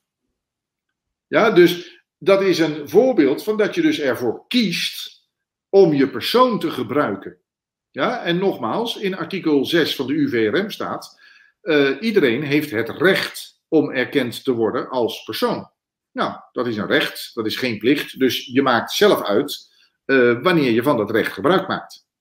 Ja, ik ben, ik ben heel benieuwd, eh, want eh, kijk, dit zou fantastisch zijn als het inderdaad, als de, met- mensen met grote getalen dit, dit omarmen en daar, daarvoor durven te kiezen. Want het, moet er best wel wat lef voor Nou, hebben. neem, neem me even niet kwalijk, Niels, maar het lijkt wel of er een een of andere golfbeweging in de maatschappij begint. Eh, we hadden het er net al over dat het een hele interessante tijd is. Maar dat is natuurlijk niet alleen maar voor ons drieën. Maar het is ook voor, voor heel veel mensen. Onder andere de mensen die nu naar dit, eh, naar dit radiostation zitten te luisteren. Ja, ehm, eh, er is echt een golfbeweging van informatie. En de een die pikt dat wat sneller op dan, dan de ander. Ja, maar wat wij nu zien is, is, ehm, nou, is dat, dat gewoon simpelweg hele volkstammen die gaan zich hiervoor interesseren. Ja, en natuurlijk, natuurlijk zegt niet iedereen meteen van, nou, dan ga ik eens even lekker met, met, met oma Gent eh, in de clinch. Ja, maar, maar uh, ik merk heel veel, ik krijg heel veel telefoontjes, heel veel e-mailtjes, heel veel uh, berichten, dat mensen het er dus niet mee eens zijn. En die gaan op hun eigen manier, gaan die dus die strijd aan. Met de Belastingdienst, met de CJUB, met de deurwaarder, met, met, met noem maar op. En dat is heel interessant om dat te zien. Dus het, het, het is een behoorlijk grote groep aan het worden, die, die zeer snel groeit, Niels, kan ik je zeggen. Oké, oké. Ja, want ik zie ook wel dat het bewustzijn in die zin flink groeit. Alleen, ik, ik, ik, mijn vraag was, wat ik daar op, op wilde voortborduren, was van wat zou dan uiteindelijk de, de, de, de ja, wat zou een event kunnen zijn wat binnenkort plaatsvindt? Hè? Wat, er voor trigger dat heel veel mensen opeens denken van ja, dit is echt too much. Dit is echt voor mij de drempel en nu gaan we iets anders doen. Nou ja, kijk, je hoeft natuurlijk maar naar de wereld om je heen te kijken. Uh, en dan zie je het, het voorland van Nederland. Ik bedoel, uh, als ik kijk dat er in 175 steden in Frankrijk elke dag demonstraties zijn. Als ik lees dat daar het Vreemdelingenlegioen, Vreemdelingenlegioen weer ingezet wordt om, om burgers uit elkaar te slaan. als ik zie dat er vaccinatiepaspoorten gevraagd worden op terrassen en in cafés, die vervolgens overigens helemaal leeg zijn. dan denk ik dat we de verkeerde kant op gaan met z'n. En uh, ja, ik, de horeca is vrij simpel akkoord gegaan met een sluiting van bijna zes maanden in de afgelopen lockdown. Nou ja, ik kan ze vertellen, als het zo doorgaat, dan zijn ze vanaf eind september tot volgend jaar april zijn ze weer dicht. Ja, en, en, en hoeveel van de horeca mensen gaat dat dan nog doen? Ja, en dan kom ik even bij het volgende. Dus, dus er gaan straks, jij zegt uh, welk event. Nou, de, de, de, teugeltjes worden gewoon uh, aangetrokken. Ja, en uh, nogmaals, ze kunnen het doen zolang wij het goedkeuren dat ze het doen. Ja? En als je dus simpelweg je kont tegen de krip gooit, onder andere door zo'n opzeggen machtiging besturen, en onder andere door gewoon eens een keer naar de Belastingdienst te schrijven, joh, zoek maar uit met je belasting, want doe niet mee. Ja, of vraag gewoon eens heel simpel van meneer de Belastingdienst, welk contract heb ik met uw bedrijf? Nou, en dan schrijven ze terug van u heeft geen contract. Nou, mooi, hoef ik dus ook geen belasting te betalen. Klaar. Ja, zo makkelijk is het niet. Ja, daar komt nog wel eventjes wat bij kijken, dat zeg ik direct bij. Maar die kant moeten we op. Ja, maar de, de, de meerderheid, de, de, de, de, wat, wat zich dan massa noemt, die, die zorgt voor dat dit, uh, dat spelletje door kan blijven gaan. Dat is, dat is, we zitten eigenlijk te wachten op de iedereen, iedereen die natuurlijk gewoon braaf een mondkapje opzet als die naar de Aldi of naar de Albert Heijn gaat, ja, die, die geeft goedkeuring aan het systeem. Ja, en dan geef je dus ook goedkeuring. Dat je dus, uh, nou in Frankrijk mogen ze al niet meer verder dan vijf kilometer van hun huis. Ja, en uh, dan heb je dus een app. En je moet in de app moet je aangeven van ik ga dus nu naar de supermarkt. En dan gaat het, komt het lampje op groen. Nou, en als je dus 100 meter verder dan de supermarkt gaat, omdat daar toevallig een kaaswinkeltje zit, nou, dan begint je telefoon te trillen en dan krijg je een melding van uh, dit mag niet. Nou, de vraag is of je in zo'n maatschappij wil leven. Ik in ieder geval niet. Ja, dus, dus ik doe daar gewoon simpelweg niet aan mee. Ik heb hier uh, uh, gezegd, ik eet nog liever gras. Ja, dan dat ik hier aan mee ga doen. Ja. ja het gaat gewoon niet gebeuren. Ja, dus uh, zoek het maar uit met die bende. En meneer de agent, meneer de BOA, u kunt hoog springen, laag springen, u kunt helemaal niet springen. Ja, maar ik doe gewoon met uw idioterie niet mee. Klaar. Hoe moeilijk was dat voor jou, geen belasting meer betalen? Nou, voor mij niet zo heel erg moeilijk, want om belasting te betalen moet je eerst iets verdienen. ja, ja, ja. Dus, want het gaat natuurlijk naar rato van je inkomen. En uh, ja, mijn persoon heeft geen inkomen. Dus ja, dan schrijf ik elk jaar schrijf ik een briefje naar de belastinginspecteur van ja, sorry meneer de inspecteur, maar het is dit jaar weer niet gelukt voor de persoon om, uh, om inkomen te genereren. Dus, helaas. Ja. Ja, en ik heb dus ook een prachtige inkomensverklaring van, van nul. Ja, ik heb geen, ik heb geen inkomen. Dus uh, ideaal. Nou hebben er drie, uh, volgens mij was het ongeveer 3 miljoen mensen niet gestemd hè, bij de vorige verkiezingen. Nee, ik, ik ken die cijfers niet, maar als jij het zegt, neem ik dat direct aan. Ja, ergens in, in die buurt. Um, wat voor maatschappij is het als al die mensen morgen hun, hun burgerschap opzeggen? Nou, ik denk dat dat nu ook al wel aan de gang is. Uh, ik schrijf op een gegeven moment brieven, of namens mezelf of namens cliënten, eh, dat we het met bepaalde dingen niet eens zijn. Eh, en daar doen we dan een argumentatie bij, uiteraard. Eh, en dan hoor je daar gewoon twee, drie, vier maanden niks meer van. Ja, ik ken dus inderdaad mensen die hebben een brief naar de Belastingdienst geschreven in januari. Nou, die hebben van de Belastingdienst niks meer gehoord. Ja, het is nu bijna eind augustus. Ja, dus, dus, dus er, er uh, gebeurt daadwerkelijk wel iets. Er is van alles aan de hand. En ik denk dat die organisatie, uh, organisaties uh, zich gewoon simpelweg op hun achterhoofd aan het krabbelen zijn. Van punt 1, mijn god, wat gebeurt me nou? Ja, en punt 2, hoe gaan we hier in vredesnaam mee om? Ja, want in die end, en daar ben ik van overtuigd, ze weten dat ze fout bezig zijn. Dat weten ze. Ja? En het punt is, het is je 300 jaar nooit verteld. Maar nu gebeurt dat wel. Door die, uh, die bewustzijnsweef waar, waar jij het net over had. Ja, gaan mensen dus inderdaad in de pen klimmen. En gaan ze inderdaad tegen die agent zeggen van, uh, joh, ik doe even niet meer mee. Ja, en, en die mensen die moeten zich dus echt op de achterhoofd krabben van, van hoe gaan we hiermee verder. Ja, nou, want, Jeroen, ik, ik denk zelfs dat, uh, dat het voor heel veel mensen, die ik ook in de persoonlijke sfeer ken, uh, die heel erg vasthouden aan, aan ja, het, het, is wel een democratie en het, het, klopt allemaal wel, maar jullie zijn allemaal gek geworden en uh, weet je, die, die volgen het, het, oude narratief. Die zullen zometeen, ja, ja die, die, worden dus zometeen echt flink door elkaar geschud op een bepaalde manier. Ja, en die, ja, dat is, is, eigenlijk een soort traumaverwerking, hè? Ja, absoluut. En dat is inderdaad het leuke, want ik herken dat ook wel. En dan vraag ik aan die mensen, van joh, ben jij een vrij mens? Ja, natuurlijk ben ik een vrij mens. Wat denk jij dan? Ja, ik bepaal zelf wel wat ik doe. Ja, maar waarom ga je dan. Uh, waarom zeg je dan dat je voor negen uur thuis moet zijn, voor de avondklok? En waarom doe je dan een, avond, uh, een mondkapje in je zak vanwege dat je naar de Albert Heijn gaat? Ja, en waarom doe je dan dit en waarom doe, en waarom uh, doe je dus aan een, een of andere instantie die zichzelf Belastingdienst heeft genoemd, dat jij ineens 30% van je zuurverdiende geld gaat inleveren? Zonder dat je daar een, een contract mee hebt of iets dergelijks. Waarom doe je dat dan? Dus hoe vrij ben je dan?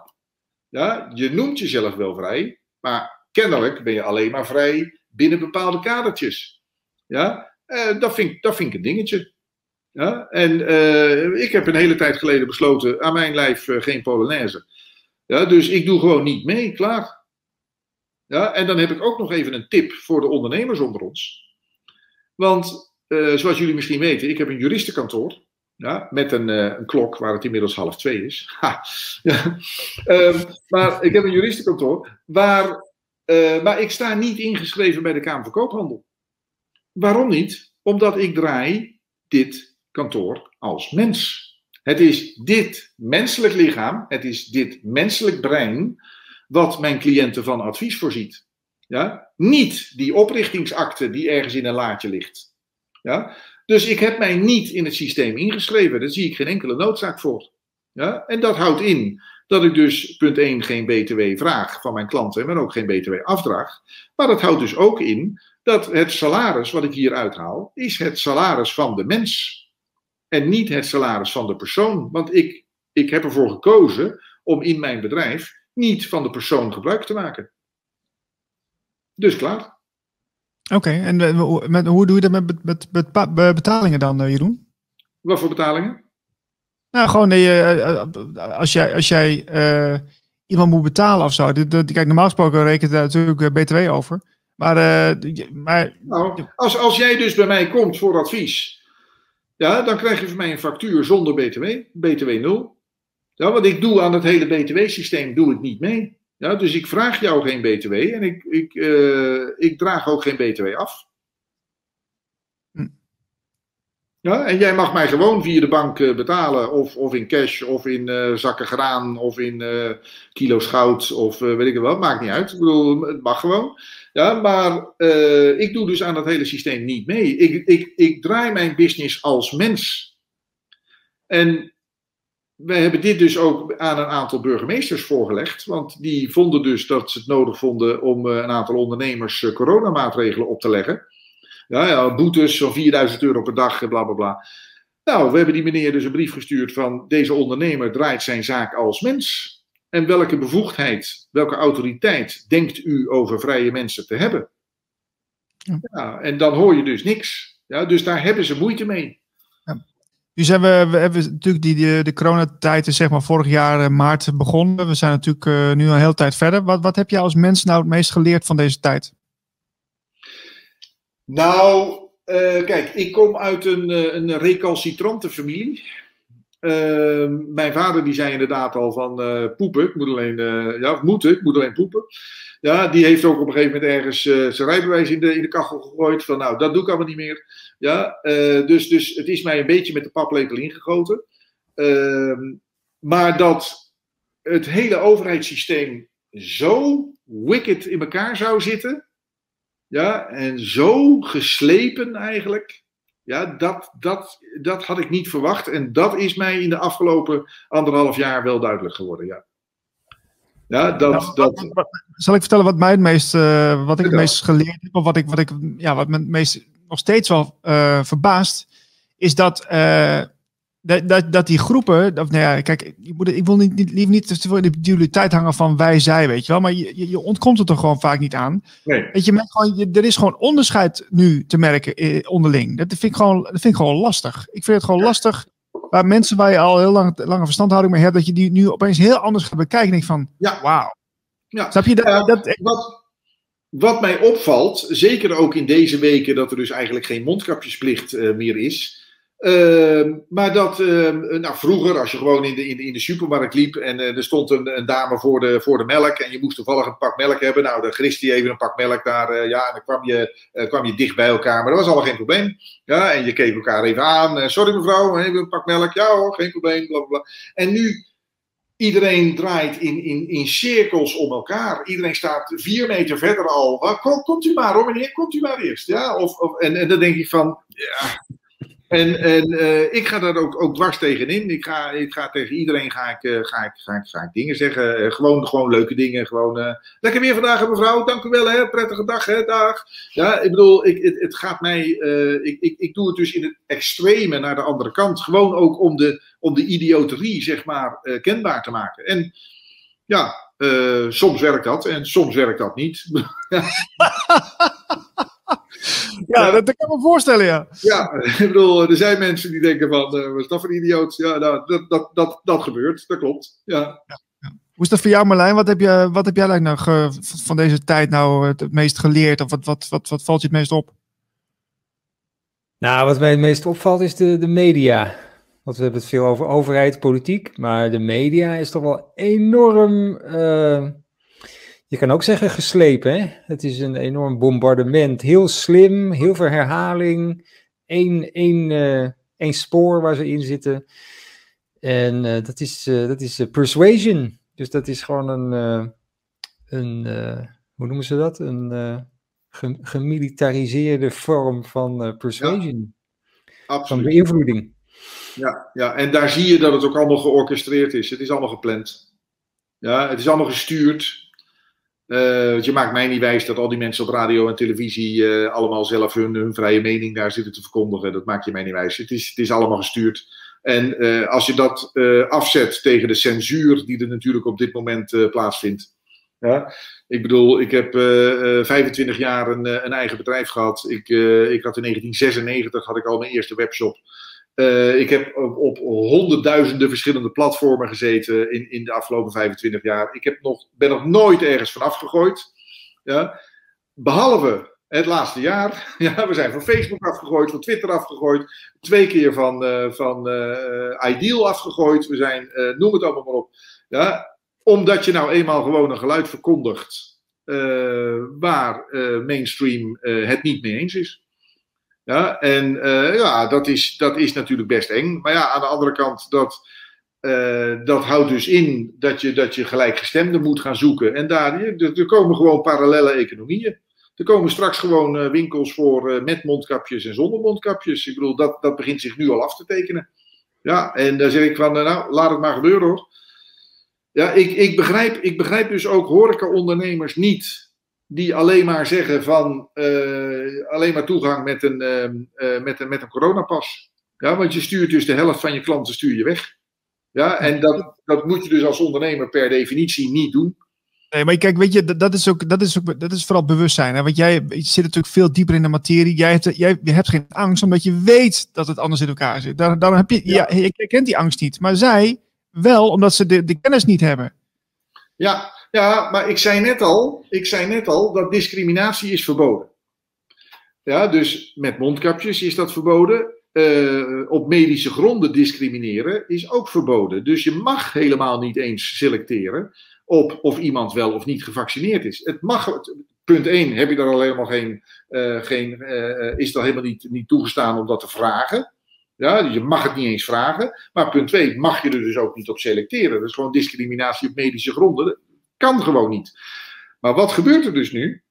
Die ondernemers die worden op dit moment dus door de overheid gedwongen om strafbare feiten te plegen. Ja, want discriminatie, en zeker discriminatie op medische gronden, is een strafbaar feit. Ja, en de overheid die zegt dus feitelijk, ondernemer, jij moet uh, uh, strafbare feiten plegen. Ja, en daar word je niet voor betaald. Nou, daar hebben we een woord voor, en dat is dwangslavernij. Ja, dus die ondernemers die dat toestaan, die zitten dus gewoon in een toestand van dwangslavernij, waarbij ze dus door de overheid verplicht worden om strafbare feiten te plegen. En het zit heel geslepen in elkaar, want denk je dat die ondernemers een brief krijgen van Mark Rutte dat ze dat moeten doen? Nee, die krijgen ze niet. Dus die machtiging, die is er helemaal niet. Waar ze het van, van horen, is van radio en televisie. Ja, de horeca moet dicht. Ja. ja, dat vond ik ook heel raar. Maar dat is dus juridisch, heeft dat geen enkele grond. Heeft geen enkele rechtswaarde. Maar dat is dus ook wel interessant. Hè? Maar want, ze doen uh, het allemaal wel. Nou ja, even over de media gesproken. Hè? Ik maak even een switch naar Amerika, want dat is ook interessant. Toen met die verkiezingen, uh, toen heeft CNN was als eerste die gelijk uh, mee, mee, mee, kwam van, ah, er is een winnaar en Biden heeft gewonnen. Maar CNN, die, waar het eigenlijk op neerkwam, zij bepaalde wie, wie gewonnen had. Zij, zij kwamen met het ja. nieuws. Weet je wat? Wat je denkt van. Zij, zij zijn een nieuwsplatform. Zij, zij, zij, ja. zij, zij, zij gaat er niks, heeft niks met verkiezingen te maken. Ja, sorry hoor. Maar de, je bij de feiten.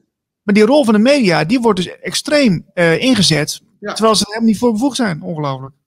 Ja, maar goed, dat zie je natuurlijk in de geschiedenis. Hè. Als er ergens een staatsgreep uh, gepleegd wordt, dan, uh, dan kidnap je eerst de eerste minister. En vervolgens ga je naar het radiostation en dan zorg je dat je daar de boel in handen krijgt. Ja, dat, dat leger, dat komt later wel. Ja, want op het moment dat je natuurlijk op de radio kan zeggen van er is een nieuwe president, nou, 80% gelooft het en klaar. Ja, dus, uh, dus die media, en waarvan we natuurlijk weten dat 95% is in de handen van één partij, ja, die, die kouwen ons uh, de situatie voor.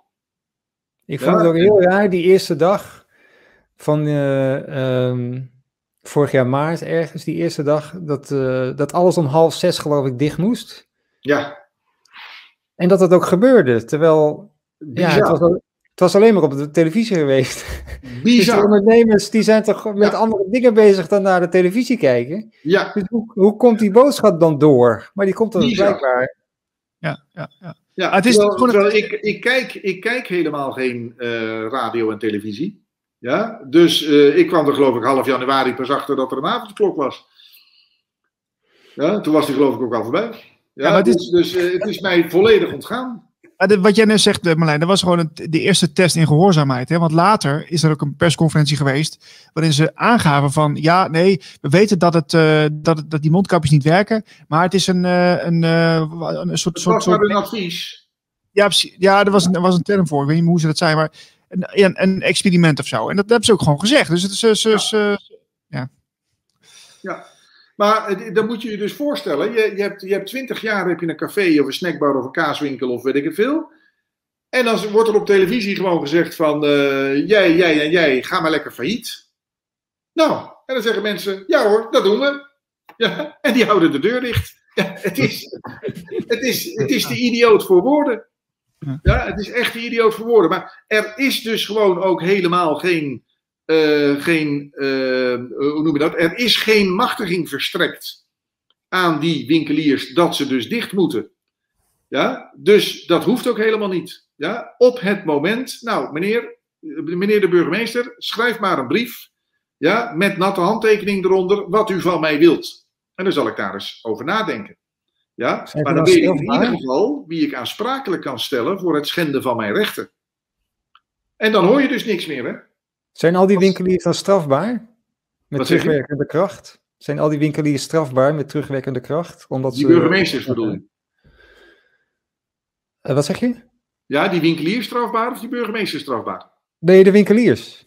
Want Ja, die geen winkeliers zijn niet strafbaar, want je, mag gewoon, je, ma- je hebt gewoon recht op een vrije business. Ja, dus nou, hoe kan ik nou een vrije business hebben als jij be- bepaalt wanneer ik open ben? Ja, dus dat kan helemaal niet. Ja, dus die burgemeester heeft er ook helemaal niets over te zeggen. Ja, hij gaat op dat moment gaat die mensen dwingen. En dan ook nog eens dwang zonder een feitelijke grondslag. Want het hele coronavirus is nog nooit aangetoond. Nou, daar, daar, is, eh, daar zijn wel heus wel wat dingetjes over te zeggen, kan ik je zeggen. Ja, en, ehm, eh, maar dat, ehm, ja, op een of andere manier gaan mensen liever failliet dan dat ze die strijd aangaan. Ja, ik begrijp er helemaal geen flikker van hoor. Ik snap er echt niets van.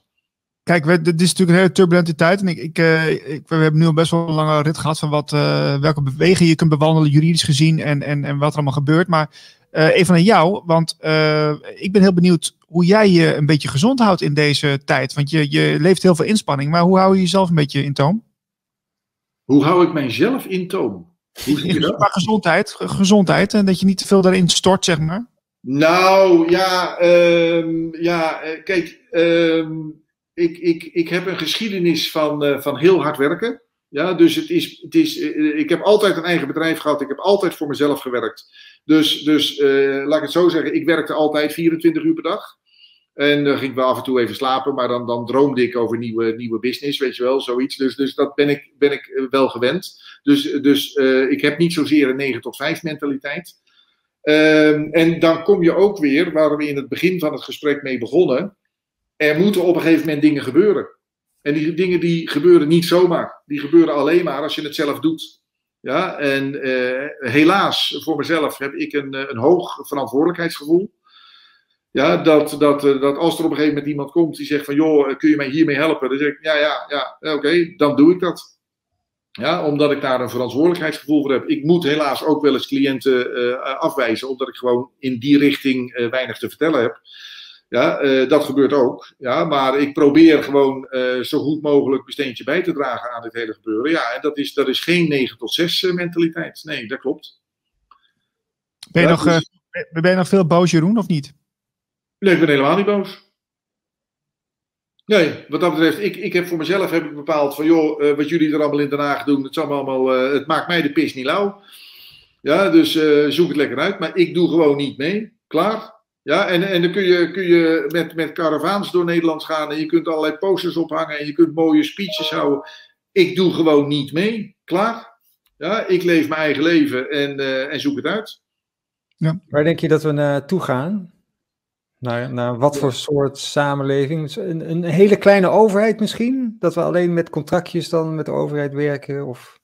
Ehm, eh, nou, dan heb je het wel over een paar jaar. Ik denk dat er nog wel wat hobbeltjes te nemen zijn eh, voor die. eh, is, ik ben er wel van overtuigd. Kijk, het, het licht overwint altijd. Ja, vanwege de simpele stelling dat het licht verdrijft altijd de schaduw. En het de schaduw verdrijft nooit het licht. Ja, dus, dus het licht gaat overwinnen, daar ben ik van overtuigd. Maar ik denk wel dat we nog wat hobbeltjes te nemen hebben.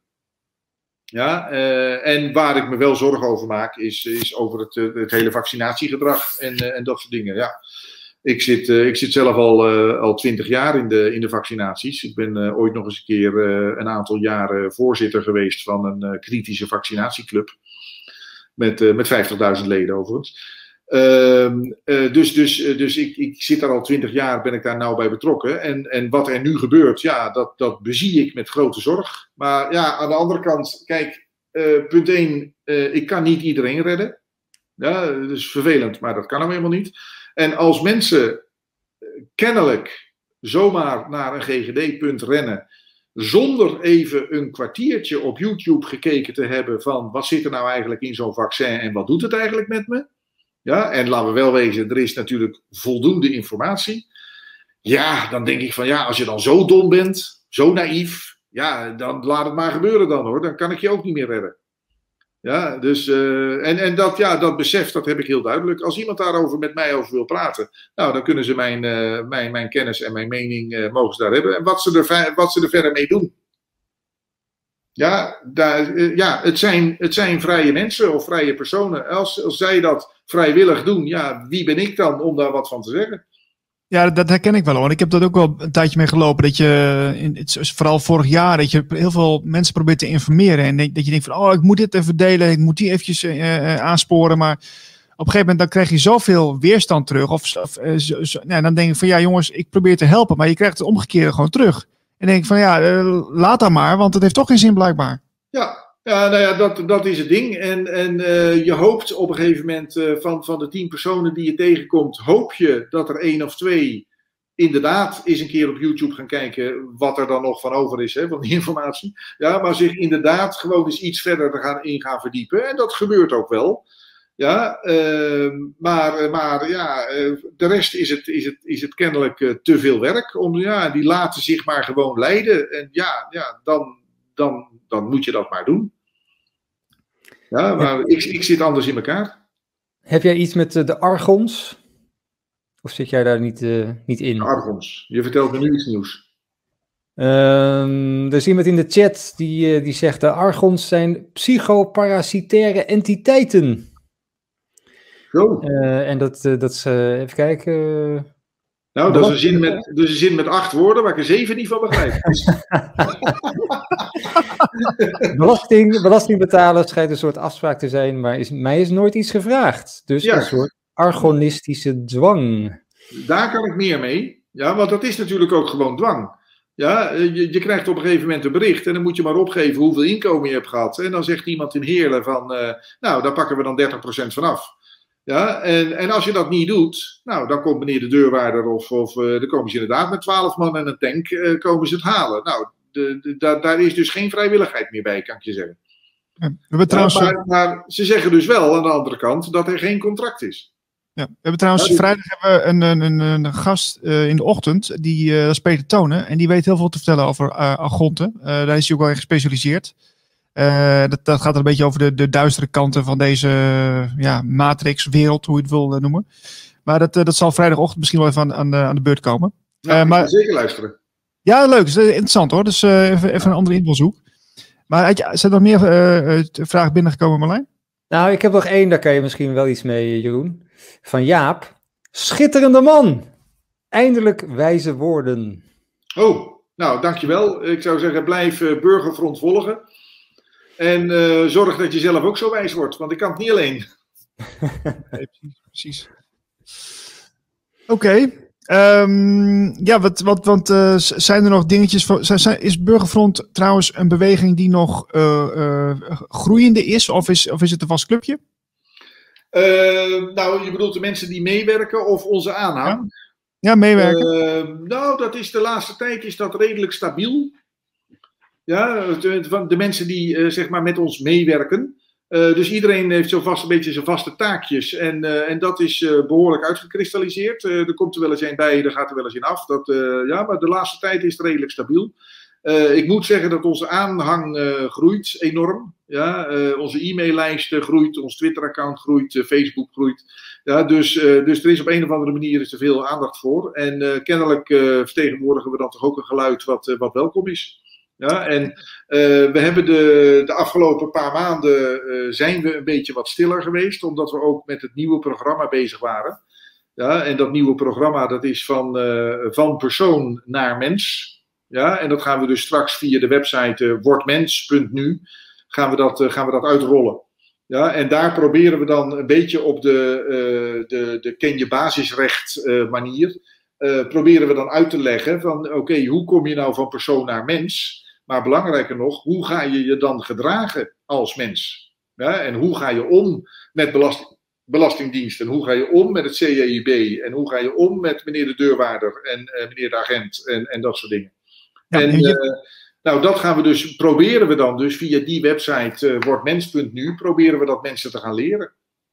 Ja, want uh, je, je, je, vertelde mij ook dat jullie uh, toch een nieuwe koers uh, ingaan met Burgerfront. En dat, dat er zelfs ook aandacht is voor spiritualiteit, waar wij van Radio Gletscher ja. veel mee bezig zijn. Ja. wat moet ik me daarbij voorstellen? Nou, kijk, het, het, het, het, hele mens zijn is natuurlijk niet alleen maar van, van hoe ga ik nou om met, met meneer de agent of meneer de deurwaarder. Ja? Het hele mens zijn is, is dat je dus op een andere manier in het leven staat. Ja? Ehm, en dan zou je dus kunnen zeggen: van ja, maar ho even, de schepper heeft mij dus het recht gegeven om op deze aarde te zijn. Dus de schepper heeft mij eigenlijk 1 zeven miljardste deeltje van deze aarde gegeven. Ja? En dat is een heel interessant fenomeen. Want op het moment dat jij nou ijzererts uit de grond gaat halen, Niels, en daar een auto van bouwt, ja, is dan uh, jouw 1 zeven miljardste deeltje ijzererts, is dat dan vergoed aan jou? Nee, daar heb jij niets van gezien. Ja? Maar toch moet je voor die auto betalen. Ja, ja, ja, ja. ja? Dus men zegt wel van ja, je moet wegenbelasting betalen, want daar is die weg van aangelegd. Ja, dat is allemaal wel leuk en aardig. Maar 1 zeven miljardste deel van die weg komt uit mijn stukje aarde. Ja, ben ik daarvoor vergoed? Nee, ben ik niet voor vergoed. Ja, dus, dus er is ergens in het, in het verhaal, is er dus uh, diefstal of heling uh, gepleegd uh, van, van onze goederen. Nou, en uh, als je het dan hebt over dingen die ook actueel zijn op dit moment, geboortetrusten en dat soort dingen. Wij denken dus niet dat geboortetrusten, dat dat rekeningen zijn met, uh, met 40 miljoen erop, die je dan ineens uh, zou kunnen, waar je ineens over zou kunnen beschikken. Ja, maar in jouw geboortetrust zit 1 7 miljardste deel van deze aarde. En daar heb je dus recht op. En natuurlijk kun je daar een waarde aan hangen. Ja, maar het is meer dat je dus recht hebt om hier te zijn en om hier te leven en om hier gebruik van te maken. Ja, en uh, dat is dus ook een beetje het verschil tussen mens en persoon. Een persoon die ziet een appelboom en die trekt die hele appelboom leeg en die gaat naar de markt en die gaat verkopen. Ja? Een mens die ziet een appelboom, die pakt één appel en die reist verder. Ja? Een mens neemt wat hij nodig heeft. Ja, in de wetenschap dat er dan genoeg is voor iedereen. Ja, maar er is, ook een stukje vertrouwen bij kijken natuurlijk. Hè? Dat je denkt van, ik heb uh, op later mijn pad uh, komt er wel iets anders. Dat, ik denk ook dat we meer in die flow moeten ja. gaan. Uh, eigenlijk. Ja. ja, maar ik, ben, ik heb veel gereisd. en in het begin nam ik echt alles mee. Hè? Ik nam tandenborstel mee, naar shampoo mee, tandpasta en weet ik het allemaal wat. Totdat je erachter komt dat ze in Shanghai ook tandpasta hebben. Nee. Ja, Serieus? Ja, en in New York ook. En in Parijs ook. En in Sydney ook. Daar is gewoon tandpasta. Ja, dus daar hoef je helemaal niet mee te nemen. Ja, dat je een tubetje meeneemt voor, voor de eerste paar dagen, is prima. Maar eh, het gekscherende wat wij natuurlijk vroeger altijd deden, dat je ging met de caravan op stap. Ja, en dan ging daar 25 eh, kilo aardappels en, en chocoladepasta en, en 20 kilo drop uh, ging mee. Ja, nou, dat, dat hoeft dus niet, want ze hebben aan de andere kant van Europa hebben ze ook gewoon eten. Ja, en uh, uh, dat zijn bepaalde inzichten die je dus op een gegeven moment krijgt. Ja, en inderdaad, met zo'n appelboom, uh, je neemt één appel, die eet je lekker op en, en je laat de rest hangen voor de volgende. Ja, en, en dan heb je dus allemaal wat. Kijk, als je, als je kijkt, je hebt natuurlijk ontzettend veel natuur. We, in potentie hebben we op de aarde fantastisch veel uh, voorraden en, en, en, ja. en waar, waar je heel veel uh, gratis zou kunnen krijgen. Denk aan appels, bananen, noem maar, op. Ja. Maar, maar als, je, als je het verder trekt naar ook de dingen en de mensen die je nodig hebt, die dan op jouw pad komen. Eh, ben je bekend met het, met het uh, woord synchroniciteit? Nee. Nou, dat is, er komt een beetje op neer dat je als je ergens heen gaat, dat je uh, altijd dat, dat, je, dat, dat de dingen een beetje gebeuren op het moment dat je het ook nodig hebt. Ja. dat, je, dat je de juiste mensen tegenkomt net op het moment dat je, dat je het nodig hebt. Nou, ik denk dat we daar meer op mogen vertrouwen. Want vaak is het ook gewoon zo dat dingen gewoon naar je toe komen als je daar maar op vertrouwt. Ja, nou dat klopt. En uh, dat heeft dan ook zijdelings te maken natuurlijk met je derde oog. Ja. Uh, en het grappige is, en dat is dan misschien wel een leuk dingetje om, om deze, dit gesprek mee af te sluiten. Wat er nu allemaal gebeurt aan gezondheidsidioterie rondom corona. Het heeft allemaal te maken met het blokkeren van je derde oog. Ja, dus, dus de mensen die ons dit, dit aandoen, laten we het zo maar zeggen. Uh, die zijn er dus op gericht om jouw derde oog, zeg maar, te blokkeren. En het is juist dat derde oog, wat dus de spiritualiteit ziet. Ja, en wat dus inderdaad ziet van hé, hey, dit gebeurt nu, dat is nodig op dit moment. Ja, en uh, ik heb het daar met mensen om mij heen dus, dus ook over. En dat is dus ook het stukje spiritualiteit wat we dus straks in dat hele van persoon naar mens programma gaan brengen. Ja, ja de, de, bij veel mensen die, ja, die ongezond leven of die wel ouder zijn, de, de, de pijn op papier wordt, wordt steeds kleiner en verschrompelt zelfs op sommige ja. momenten ook, wordt gezegd. Uh, je kunt die natuurlijk altijd ontkalken, uh, schijnt, uh, maar je, je, kunt er ook natuurlijk gezonder mee omgaan. Door gezonder te leven, door andere keuzes te maken. Hè? Bijvoorbeeld ja. geen fluoride in je tandpasta, dat schijnt ook goed ja. te werken. Ja, ja dat is, is nog erg te gaan, zeg maar Marlijn. Ja. Je hebt het over de, de schepper ook, hè, Jeroen. Dus dan is het zo dat het hele wetboek van strafrecht en alles en de grondwet gaat uit van een schepper. Dat is dan een soort, uh, ja, spiritueel zou je kunnen noemen, maar daar is het allemaal uit afgeleid. Terwijl nu zitten we heel erg naar die wetenschap-kant. Uh, dat, dat is dan de ultieme waarheid. En dat geloof en de spiritualiteit is een beetje onzin allemaal. Ja, dat klopt. Dat wordt inderdaad heel snel belachelijk gemaakt. Maar ja, dan, dan, dan zeg je dus eigenlijk van dan geloof ik liever in, in de Ab Oosterhuizen en de Marionne Koopmans van deze wereld ja, die dus menen als dierenarts iets over ons mensen te vertellen te hebben. En dan ook nog gespecialiseerd zijn in een gebied wat dus wetenschappelijk nooit is aangetoond. Ja, dan verkies je dus die mensen boven je eigen intuïtie of je, je eigen pijnoppelklier of, of dat soort dingen. En dat vind ik wel een moeilijk verhaal, kan ik je zeggen. Ja. Ja, en op het moment dat je het daarover hebt, wat, wat ik absoluut niet begrijp van de afgelopen anderhalf jaar, is dat er is zoveel informatie over bijvoorbeeld het bestaan van virussen en dat soort dingen. Er zijn rechtszaken over geweest en, en noem het allemaal maar op. Maar dat dus in de politiek, in de wetenschap en in de journalistiek, dat daar dus gewoon geen woord over gerept wordt. Nou, en met, met, met alle respect, maar ik kan die mensen, ik kan ze echt niet serieus nemen.